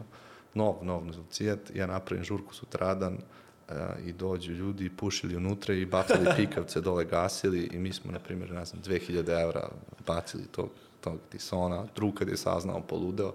Ali on se, mislim, on se ne ljuti na mene zbog te materijalne štete, nego kako, sašto nisam razmišljao, kako nisam koristio mozak, da, kako nisam to sprečio, on se zato ljuti na mene, da. Sad zoveš da. pušače na žonke. Sad, ma kako, ne može cigarom da priđe, niko više u dvorište, ne. Još redara koji... Da, da, da, da, ne, ne, ne, više cigara ne postoji ali iz tih stvari se, se nauči nešto. Pa da, da, mislim, sad to, to sad zvuči smešno, to, to je bio jedan od mojih najvećih pehova sad u, u firmi, on se ozbiljno ljuti na mene, kao, zašto ne koristim mozak? Da. Jesi ti analizirao posle? Pa jesam, ali ja nisam razmišljao u tom trenutku, znaš, prvo mi nije pala pamet da će neko da gasi cigare, da, na, na, na itisano, a drugo to je bilo u trenutku, a, bila je žurka. Bila dobra žurka. Bila, bila odlična žurka. Vidjet ćemo. Pravili ste žurku sad za, za novu godinu. Jeste, da. Gde ste, gde ste objavili da ste dobili investiciju. Bila dobra žurka. Bio si. Tamo ne, nisu gasili, nije bilo etisona. Nije, nije, nije, nije. Ali spomenuo si malo pre knjige. Kada stižeš da čitaš? Šta čitaš? Uh, čitam uh, najviše, pa ili u tu ujutru, ili uveče. Uh, iskreno, ja mislim da ljudi dosta čitaju uh, raznih knjiga, a ne nauče mnogo ni iz jedne knjige. Ja kažem ljudima, odaberite 20 knjiga i njih čitajte iz početka. 10 knjiga, ali pročitajte ih dobro, jer jedna knjiga ima mnogo sadržaja i ti jednom ako je pročitaš neće tu puno ostati. Ja, na primjer, ja čak volim uh, knjige, uh, ne, ne kupujem ovako jer mi je žao da ih uništim, nego ja uzem i štampam knjigu, PDF kupim i štampam I onda na tom žvrljam i pišem notove, podlačim, moja knjiga izgleda kao kupus, što bi se reklo. Ali ja onda se vraćam na te notove, dva, tri, četiri puta se vraćam na jednu istu knjigu i tu, tu kupim lekcije um, za, za život i generalno znanje, da. Tako da... Daj neku preporuku, dobro. Pa, a, ako bih morao jednu knjigu da, da izaberem... A, to... A ne moraš jednu, ali ajmo da kažem prvo jednu. Ajde prvo jednu, to je Navalmanak od Navala Ravikanta. A, to, to je jedna, jedna riznica mudrosti. A, I mislim da je Naval Ravikant jako podcenjen u, u današnjem društvu. A, sledeća knjiga... Može, čekaj, može nešto više o njoj da, da kažeš? Duhovna knjiga? Ne, ili? ne, ne, ne. To je, Biznis. to je čovek koji je, m, kako se ka, bio je biznismen, sad je postao filozof. A, coach. Coach, da, ali sve je to besplatno. Znači, pravi coaching je uvijek besplatan. Zašto bi ovaj... Um, on to daje besplatno i to je znanje o životu, o bogatstvu, o, o uspehu, o sreći, e, pre svega, um, i raznim drugim životnim lekcijama koje ima tu. Drugo šta bi preporučio, to bi bilo verovatno Harari. Harariva trilogija je meni ja to čitam evo, već 10. i 15. put. A šta izlačiš tu, pošto nije ono tipično nema veze s biznisom? Pa to su životne lekcije više, to su, to su, to su, to su životne mudrosti neke sada i, i, i ti um, načini uh, ponašanja ljudi koji su tu mogu da se vide i država i društava i svega, to su priče koje se ponavljaju, nije istorija uh, kako kaže, um, istorija se ne ponavlja, ali se rimuje, jel tako? Da. Da. da. Znači imamo Hararija trilogiju. Ja ću da stavim sve knjige u, u opisu, imate link, možete da. da preuzmete listu svih preporučenih knjiga, tako da Hararija već imamo možda treći put. Navikante prvi put ja nisam ni, ni čuo. Poznato mi je nešto, ali nisam. Baš ću da, da pogledam šta je. Možda bi još ubacio Tola, Erkata Tola, a, Novu zemlju. Mm -hmm. a, mislim da je bitno pogotovo neko ko, ko, ko ima neki rast a, brzi da, da, da se ne zavuče u tom egu i da ga ego malo ne, ne povede. Ne si imao ti problem tu sa... Pa bilo je, bilo je. Ego tripovima. Jeste. Relativno mlad sam uspeo neke, neke stvari da uradim i onda te, to te malo povuče i sada meditacija i to čitanje i, i to sve bi trebalo da pomogne da se to, to reši, dovede u red nisi otišao na ovu stranu, ok, imao sam novac, ajmo sad idemo zezanje da potrošimo sve, već si razmišljao kako da potrošim na biznise. Pa jeste, ja sam krenuo da trošim, ja sam krenuo da se, da se rasipam, onda sam vidio da to, da nemam nikakvu sreću i ispunjavanje iz toga. Ali to džaba neko da ti priča, moraš da, da prođeš ili... Moraš, mo, moraš da prođeš sve, moraš sve da prođeš. Da se upečeš, ali ima tu upozorenje, je li tako? A ne znači to ništa. ne znači ništa, znači mora glavom da se udari. Mora glavom da se udari zid 5, 6, 10 puta, Tako se najbolje uči, ne, nema tu. Ti si imao ti takve neke savete, ljudi su ti davali, ali nisi, ne nisi slušao, jednostavno si morao da lupiš glavom.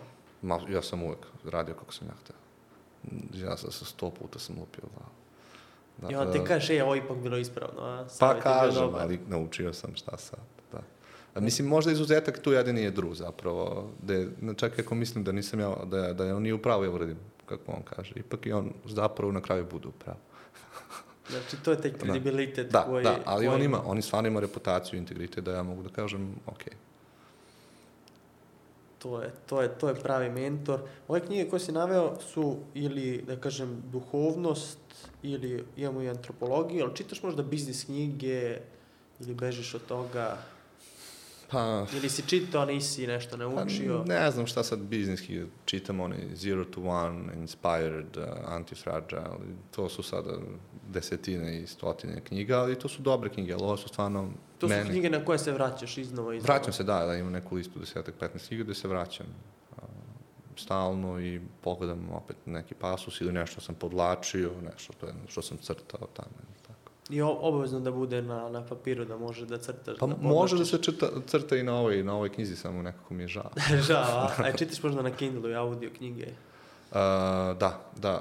Uh, u zadnje vreme sam se baš, baš sam se navukao na podcaste, znači svaki trening, uh, bilo šta da radim, uvijek je podcast na, na ušima. Ako vozim negde, ako sam sam, praktično bilo šta da radim, da sam sam, da, da mi je mozak slobodan, uh, ja slušam podcast. Audio verzije podcasta. Da, da, da, audio. audio. Jer mnogo ljudi sluša podcast tako što uključi YouTube, I onda, ne, ne, audio na, na Google podcastima. To, to je besplatna aplikacija, nema reklama, znači na YouTube-om iskaču reklame, staviš slušalice brzinu 2 i... To meni nije jasno zašto ljudi ne idu svi gradom i nose, ne košta te ništa, treba ti jedan sekund da klikneš i naučiš nešto. Bukvalno kaže, nema ni, ni da. reklama. Nema ni reklama, tako je, da, da. A mislim da, mislim da od svakog može se nauči nešto. Da nije bio još nijedan gost, evo kod tebe, da sam, da sam slušao da nisam nešto naučio. Koja ti ono epizode, može neko da izdvojiš, šta ti ostavilo utisak? Pa možda sa Marijom iz Delte sa Marijom iz Delta mi je možda bila omiljena. Ona je ima sličan put kao ja, ona je matematički isto završila i nekako ona mi, nekako sam se najviše da, da, da, osjećao, pronašao. pronašao u njoj, da, da. I rekla je, rekla je nešto interesantno bila. Za programere. Ne, rekla je da, da ne primaju ljude sa iskustvom. E, da. I to je meni tako odzvonilo u glavi, jer mi, ne primaju sve juniore koje smo primili, uh, oni su bili uh, sjajni. Juniore, ljude bez iskustva koje smo primili, navršeni fakultet ili pred kraj, oni su bili sjajni. Ni, znači, stvarno svi su bili super, jer mi smo imali tablu u razu, znači da, da, da imamo priliku da njih oformimo i da im damo kulturu kako treba da imaju, oni su svi stvarno presrećeni sa njima. Tako da sam potpuno, potpuno razumeo njega. Tu se povezao. Da, A da, sad da. kad ti dođu ljudi iz neke kompanije, rekli smo prva stvar je ta radna etika. Šta su druge neke stvari koje vidiš kao manu iz tih sistema odakle dolazi kultura?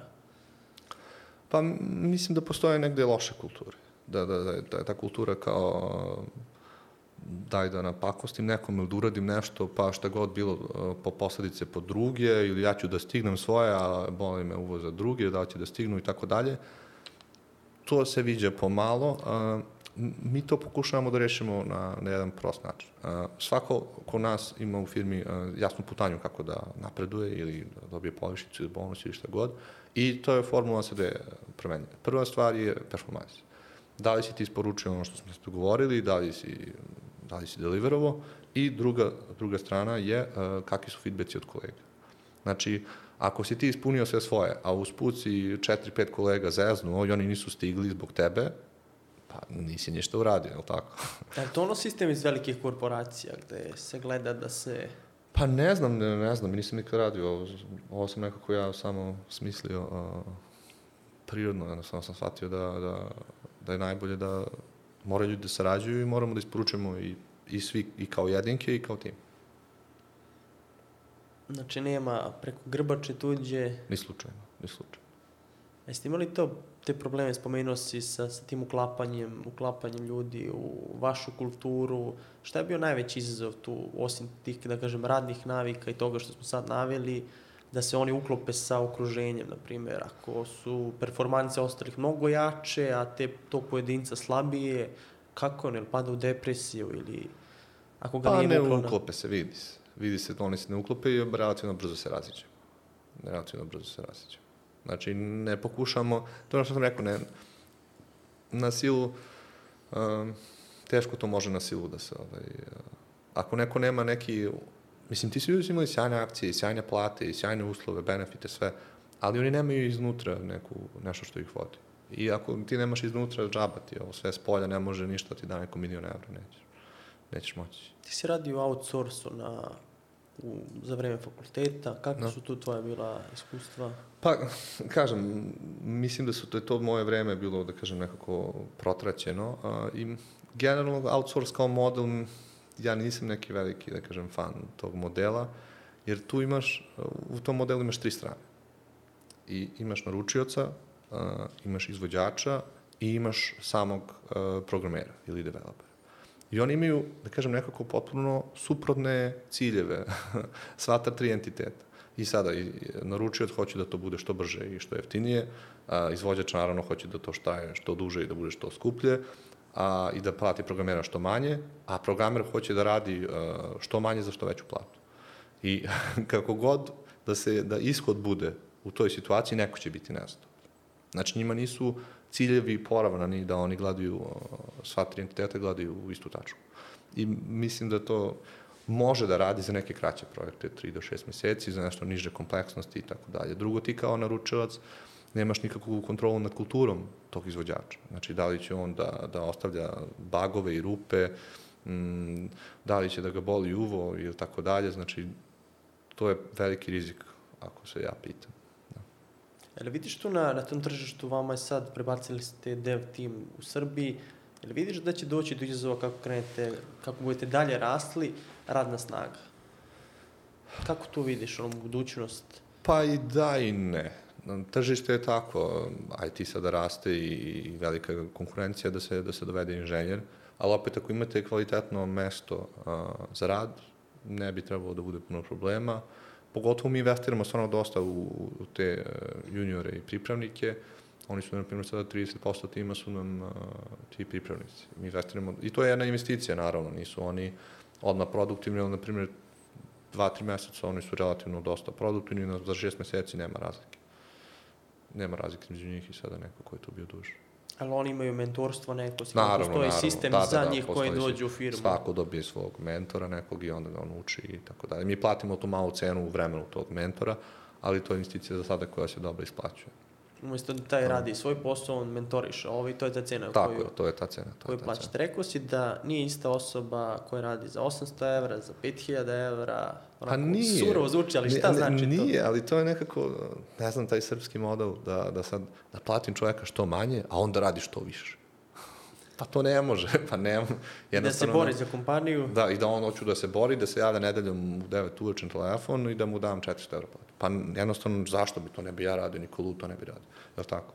Znači, uh, nije isti čovjek, ja sad, evo dajte i meni 500 evra platu i 5000 evra, pa neću da radim isto.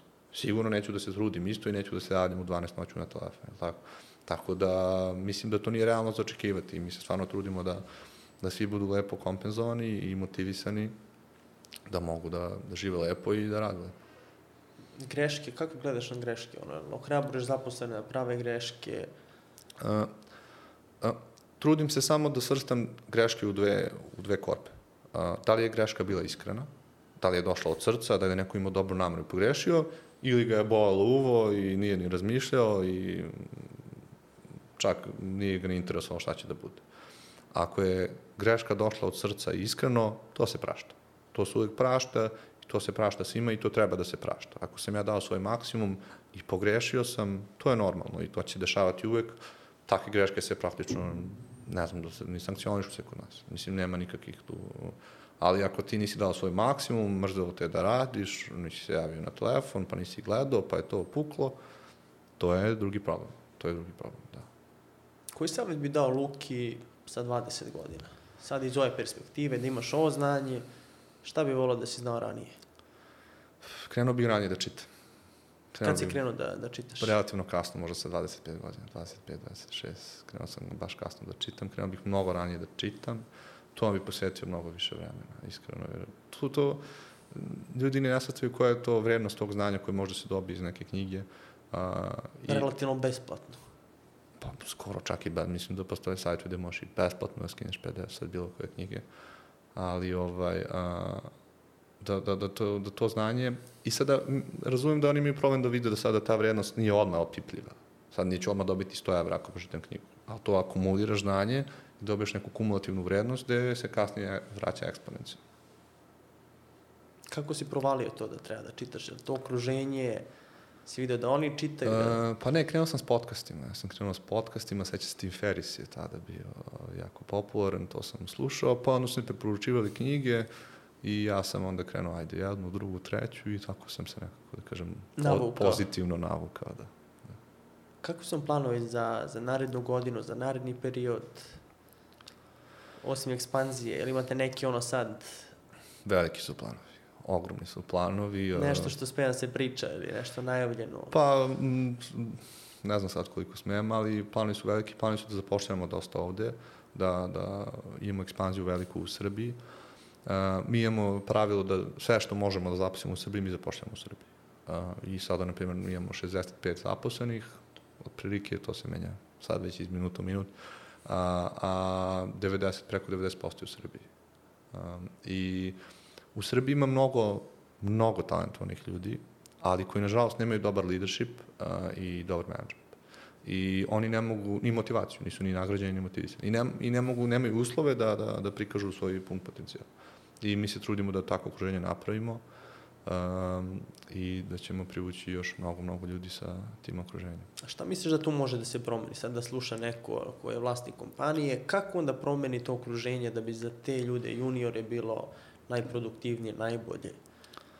Pa mislim da bi trebalo prvo učiti o leadershipu i managementu. Um, trebalo bi učiti o tome da se negativne emocije ne, ne ispoljavaju na, na neki loš način. Um, trebalo bi uh, ljudima dati više slobode uh, da pogreše. Uh, i, jer tako uče. Znači, ni sada ni meni druga, ni ja sada ljudima koji mene odgovaraju, ja ni mene dolazim i kažem, je, radi ovako. I samo kažem, ovo je naša poslovna potreba. Da li možemo to da isporučimo ili ne? I način na koji će oni isporučiti, pa to je njihova stvar. Oni su svi pametni ljudi, motivisani, ambiciozni, uh, imaju slobodu i da pogreše. Naravno, pogrešit će ako iskreno oprostit Koliko su to skupe greške kod vas? Koliko ima tu lufta za... Pa, skupe, skupe su, skupe su greške, ali mislim, za start-up uh, su mnogo skuplje greške koje platiš vremeno nego novca. Uh, I mi idemo nekada na to da, da platimo više, da bi to bilo brže. Uh, zapravo, uglavnom to idemo, jer ti kao start-up, uh, ti si default dead. Znači, tebi vreme ističe tik-tak, i ako ne napraviš nešto brzo, pitanje je da ćeš postojati za tri meseca. Kako ste tu posebno startupi upadaju u zamku, imamo sto stvari, sto nadogradnje, kako da izabereš one prioritete, jer nemaš ni novca neograničeno, ni vremena? Tako je. Um, Pa, treba da se juri product market fit. Mislim da dosta, dosta start-upova zaobilazi nekako tu, tu, tu temu. Da, da, da pričaju o inženjerskim problemima, o marketničkim problemima, o ovim, onim, a nemaju product market fit i ni ne razmišljaju. Šta znači za ljudi koji ne znaju produkt? Pa, znači da imaš nešto što neko želi. To, je- evo, to je vrlo prosto. Znači, ne, imaš nešto što neko želi da koristi i stvaraš mu vrednost. Sad, koliko vrednosti manje više, da će ti on platiti 5 dolara ili 10, ali ako mu ti stvaraš neku vrednost, on će tebi na kraju za to platiti. I to je ono što je bitno, jer ti ako imaš neku ideju koja je super, ali niko to neće da koristi, nema, pa to nema nikakvog smisla, to ne može se napravi biznis, nije održivo. Tako. Vi niste školski primjer, ali ste napipali tržište koje je u ekspanziji, tržište koje veoma napreduje i onda ste imali tu validaciju. Tako je, tako je. Mi smo malo neobičan, neobičan primer, mi još uvijek nemamo nikakve prihode, ali mi idemo na neku veću sliku i rešamo dosta kompleksan problem. I onda zbog toga će na naš product market fit biti malo odložen, sigurno. Jel imate neki ono deadline kad se to planira ili... Ma nema tu planiranja. Nema mi, planiranja. Mi to, mi to zovemo, taj problem zovemo event horizon. Znači, kada dođeš e, do tačke, onda tek vidiš. I onda Šta ide dođeš, dalje? Da, I ti dođeš opet i tek vidiš. Mi smo imali, bilo je dosta nesuglasica u firmi ranije kad nam se to dešavalo. Mi smo bili kao, kako je to da nismo mogli da isplaniramo ovo, um, da smo mi glupi, ludi, pa onda blaming, da li je kriv ovaj ili onaj. A zapravo je tu istina, mi smo došli do neke tačke i saznali smo stvari koje nismo znali ranije. I onda mi krećemo iz početka. Je li to cena tih velikih tehnoloških proizvoda, startupa? Jeste, jeste, jeste. To je normalan proces. To je normalan proces jer vi pravite nešto što ne postoji. Vi iterirate na nečem što, što nije postojalo nikad i pravite nešto potpuno novo sad. Da. To je normalan, to je prirodan proces, čak smo ga sad naučili da ga volimo i samo govorimo event horizon. Znači, dođemo, napravimo, vidimo, aha, ok, treba nam još, na primjer, mislili smo treba mesec dana, napravimo, vidimo treba još šest meseci. Skroz, skroz realno.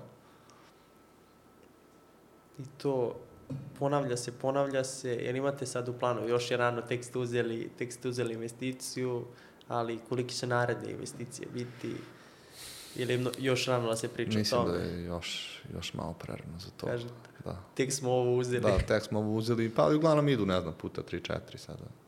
Bude ova, tako idu na No, dan. zanimljiv primjer kad si, kad si naveo koliko ste uštedili samim tim prebacivanjem iz Amerike, koliko mi je ta investicija vrednija ovde nego da ste ostali u Americi. Tako je, uh, tako je. Uh, mislim, ja, ja volim da kažem čak malo i u šali, na primjer, ovo je sad kao da smo digli 50 miliona. Jer, na primjer, ako su nam troškovi od e, 33% od onih što bi bili tamo, uh, to je praktično to, kao da. da smo ostali tamo i digli 50 miliona, je li tako? To je, to je praktično isto.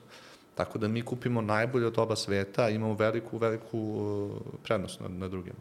Rekao si zašto je development team ovde, a rekao si da, si- da je tamo ostao marketing, eh, prodaje, zašto? Sve stvari za koje treba reputacija i integritet su ostale tamo.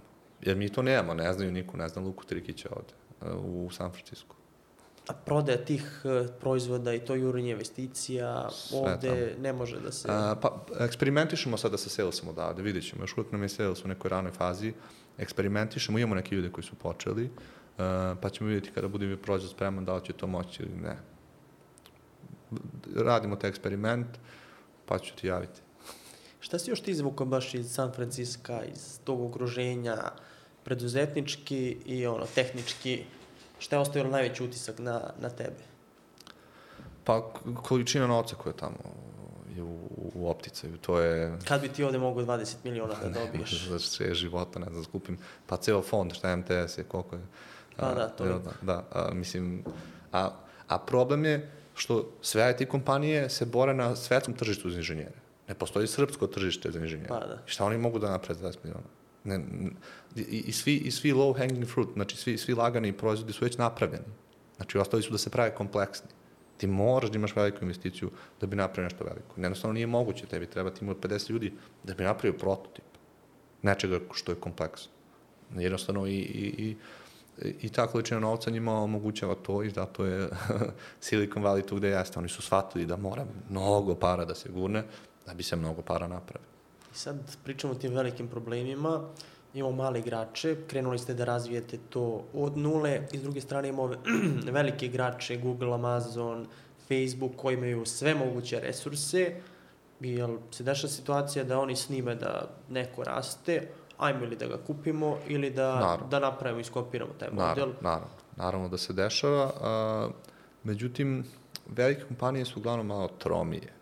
Znači, one nemaju tu agilnost kao, kao mi što imamo i to je naša prednost. A, mislim, naša, svakog startupa koji je, a, koji je manji. I sada, ko će pobediti u toj igri, pa nema obećanja tu. A, ali da, uglavnom dolaze ponude za, za kupovinu um, ili za investiciju ili šta god. Jer sve te velike kompanije imaju svoje investicione fondove tako. Koji samo snimaju šta može da se... Pa naravno, njima interesu da kupe neku kompaniju koja bi im potencijalno bila konkurent. Pa da, Da, pa mislim, to je čak, mislim, i otvorena sad strategija Salesforce, oni su kupili, sve, mislim, stotine, da. stotine kompanija. Oni su svako koje, koji su vidjeli da potencijalno možda bude, evo, ček, doviđenja. Idemo, ne pita se za, za cenu. Ne pite se za cenu. Ne pite se. Jel misliš da je sad to, taj balon investicioni, da je prenaduvano, da, da smo došli do tih situacija, da se ne, da se ne pita za cenu, nego neograničeni budžeti? A, pa nije iz jedne, a, iz jednog razloga što te, sve te fondove vode ljudi koji imaju novac u tim fondovima. znači, i ti partneri investiraju i svoj novac. Um, I kada neko investira svoj novac, neće baš da, da bude tako lagan u tom davanju. Znači, nije to neka državna firma, pa da sad ja kažem ja dajem državni novac, pa mi je lako. Ne, on daje svoj novac i, on im, i njegova glava je u torbi tu. Mora da razmišlja. E, sad, da, da li, e, sad ulazimo malo veće teme, da li inflacija sada u Americi dovela do toga da ima više novca spremnog da se investira? Da, da, sigurno, sigurno. Ali to je samo neka, uh, neki brojčanik gde ti podešavaš da će biti malo lakše ili malo teže. Ali neće biti da neko ti daje šakom i kapom, sigurno. I onda dolazimo do situacije mali startup koji možda ima neku malu investiciju, bori se za zaposlene koji trebaju programeri, i s druge strane imaš ili kompaniju ili startup koji ona ima investiciju, može da daje uslove, ono, zlatni tobogan od čokolade, Da, da. plata neograničena i onda treba se izboriti sa, sa tim. Tako je. A malo, malo startupa vidi to kao izazov da treba doći do tih zaposlenih. Je. Vama je to, Tako je, to je- core business, Ljudi zaposleni. su, uh, uh, kompanije su ljudi. Znači, ne postoji ništa drugo u našoj kompaniji, to su samo ljudi. Imamo ljude i monitore. A monitora možda kupimo kogo god. Uh, uh, znači, uh, to je, jeste najveći izazov. Najveći izazov, ali to je izazov ko može da se reši tako što imate sjajnu kulturu, uh, tako što imate kontraintuitivno tešku stvar koju im date da rade, ali im date slobodu. I naravno moraju da imaju finu kompenzaciju. Sad, a, da li je plata veća kod nas nego u Microsoftu? Mislim da nije. A, možda i ne znam. A, ali a, da li mi dajemo akcije koje će vrediti više? Sigurno. I to je nešto, sad oni uzimaju, uzimaju malo rizik, ko je preduzetnički nastrojen, ovo je sjajna prilika, jednostavno sjajna prilika da dođe i možda da, mo, možda neće biti ništa, nema garancija, ali možda zaradi neku veliku količinu novca. To je vam dobar preduslov da se orijentišete na ljude koji su malo preduzimljivi, nisu klasični daj mi posao da radim i to Tako, je to s takvim ljudima ne možemo, da, da, da, da. da. I, I takvi ljudi se ne snalaze u, u start-upu, jer jako je redko uh, sve definisano. Znači, mi da, i kada se neka specifikacija da, to je sve nešto od prilike. I ti možeš da sedneš i da razmišljaš, aha, ovaj edge case nije pokriven, daj da vidim sa product managerom uh, kako ćemo to da rešimo. Ne možeš samo da kreneš da kucaš i to neće rad, nećeš ga napraviti nikad. Nikad. To je Znači, Nebojša Matić baš rekao, nama ne, ne trebaju ljudi kojima treba posao. Pa, u principu, da. Da, da, da. da. Znači, treba neko ko je preduzimljiv i ko će, ko će malo da, da koristi mozak malo intenzivnije. Kakav, kakav startup put od kripto mininga pa do, do startupa, baš za zanimljiva priča, a nisi se nešto mnogo eksponirao. Ove dve i po godine su uzele daha, ono, da Ne, Bilo je, bilo nisi smeo da pričaš. nisam nisi... smeo da pričam o tome, a, iskreno i radio sam dosta, bio sam baš, baš stvarno fokusiran na to što radim. Bilo mi je lepo. Sad nakon tri godine novi odmor, pa može da se priča. Da, evo ga ovaj odmor i iskoristio sam da ispričam ovu priču. Šta te nisam pitao, volio bi da, da podeliš sa, sa gledalcima, da li smo nešto zaboravili, nešto što, možda neka anegdota iz koje si naučio, šta god, ono, može da pričaš šta želiš. Sad ću da vidim u beleškama da nešto nisam propustio od zanimljivih stvari da te pitam.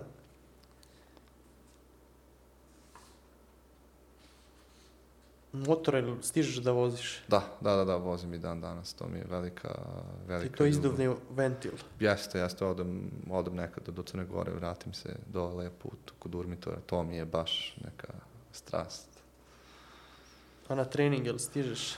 Pa da, skoro svakog dana, skoro svakog dana, da li će to biti teretana, da li će biti plivanje, bajs, trčanje, hiking, šta god, nešto, nešto moram da izađem, jer, mislim, ljudsko telo nije evoluiralo da, da sedi. Sedice, da. Znači, to definitivno nije i 90% ja mislim ljudi zdravstvenih problema koji imaju to je zbog toga.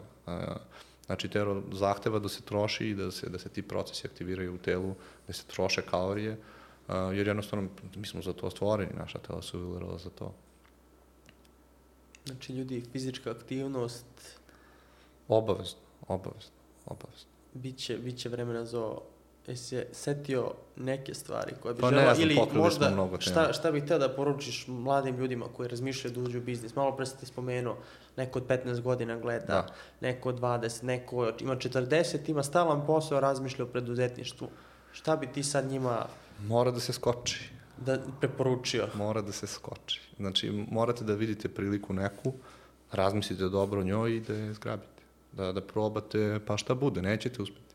Ko, A. koji si ti priliku zgrabio? Ti si otišao za Ameriku bez, bez, Bez, bez, razmišljanja? bez ičega, bez pa, pačeta papira sam otišao, kupio sam te mašine, moglo je da, da sve propadne, znači, jednostavno rizikovao sam, vidio sam, ocenio sam da je dobra, dobra prilika i skočio. Pa sam onda skočio sam i sa svim tim kripto startupovima gde sam investirao i, i u moj, pa je to sve puklo, je li tako? Pa šta? Ali sam naučio. Puklo, pa šta? Pa nisi, šta, pa šta, ništa mi nisam... Nisi imao porodicu koju moraš da, da izdržavaš ili ne znam šta, pa, i to je moglo da nisam, se, pomagao sam naravno porodici, da, ali da se uklopi, ali Da, imao si da. koliko godina, tako je, da. savršen trenutak da se, Da, da se odradi nešto. kada ako ne sad. Sad je situacija takva da većina mladih gleda tržišta koje su sad se do- dosta priča o kriptovalutama, NFT, to se promoviše kao neka brza, laka zarada i svi gledaju, ajmo tu da napravimo kintu. Kako gledaš ti na, na to? Pa opet, uh, rekli su mnogi pre mene, čak i u ovom podcastu, ne postoji brza leka zarada. Postoji, ali to su neki redki slučajevi. Uh, isto kao što sada uh, Zuckerberg je napravio Facebook. Jeste, on je bio mlad i napravio je firmu od 100 ili koliko milijardi, ali to je jedan u 10 miliona. Ljudi ne vide 9999 uh, ostalih startupa koji nisu uspeli, je li tako? Uh, znači, uh, za nešto što vredi potrebno je vreme. Potrebno je vreme, potrebno je trud, potrebno je ulaganje. Možda ćete uspeti, ali mislim da ćete na tim lakim prilikama više izgubiti vremena nego što ćete zaraditi. Eto, to A i koliko te loži to i kad dođeš do tog cilja, I šta, i koliko te loži, da. tebe te mašine nešto nisu ložile. Pa nije, da. Nije mi, nije mi to bilo nešto pretrano interesantno. Te bi vidio svrhu u tome, šta radiš, sklapa mašine za ceo život. Pa da, ja sam trgovac, da. Ja sam, ja sam to kupim, prodam. Da, je li to ono svrha, životni poziv da ti to radiš narednih, ne znam, 50-60 godina? Mo, možda za nekog drugog. Možda za nekog drugog, ali za mene baš. Ti si to gledao kao priliku da napraviš novac, naučiš šta možeš, idemo dalje. Da... Tako je, apsolutno. I Apsolutno. to je važno napraviti tu razliku, da, što kažeš, može se zaradi na mnogim stvarima, ali šta možeš ti da radiš? Da li bi ti ovo radio da nemaš nekakvu svrhu, da ne znam, treba ti tri godine da ne uzmeš odmor, da bi ti na kraju sklopio mašinu. Eto, to je dobro porađenje, da. Dobro porađenje. Pa ne bi, ne bi sigurno. Zato što vidiš neku svrhu Vidim što neku radiš. svrhu, da, vidim neki, neki, neki viši cilj, neki dalji cilj, da. Vidim i da ovde uh, može da se desi da uspemo, pa da iz ovog startupa se izrodi narednih 10 ili 15, ali ne samo koji imaju kapital, nego koji imaju i znanje. Džaba, džaba je kapital bez znanja, ništa ne znači. Ali ako mi stvorimo riznicu znanja u, u Connect the Dots i tu izrodimo ljude i onda im na to damo kapital, pa onda u Srbiji možda se rodi 10 startupa posle toga. Kao ovaj primjer što je nastao iz Salesforce-a, gde su... Apsolutno, oni su, pa i PayPal, PayPal mafija i sada i Salesforce, oni su pokrenuli ne znam koliko stotina kompanija uspešno. Je li tako?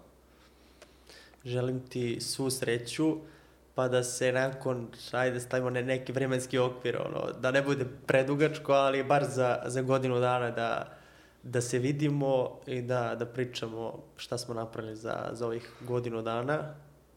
Hvala. A, hvala, nadam se da se vidimo uskoro. Živ bio, a mi se vidimo u narednoj epizodi podcasta Biznis priče.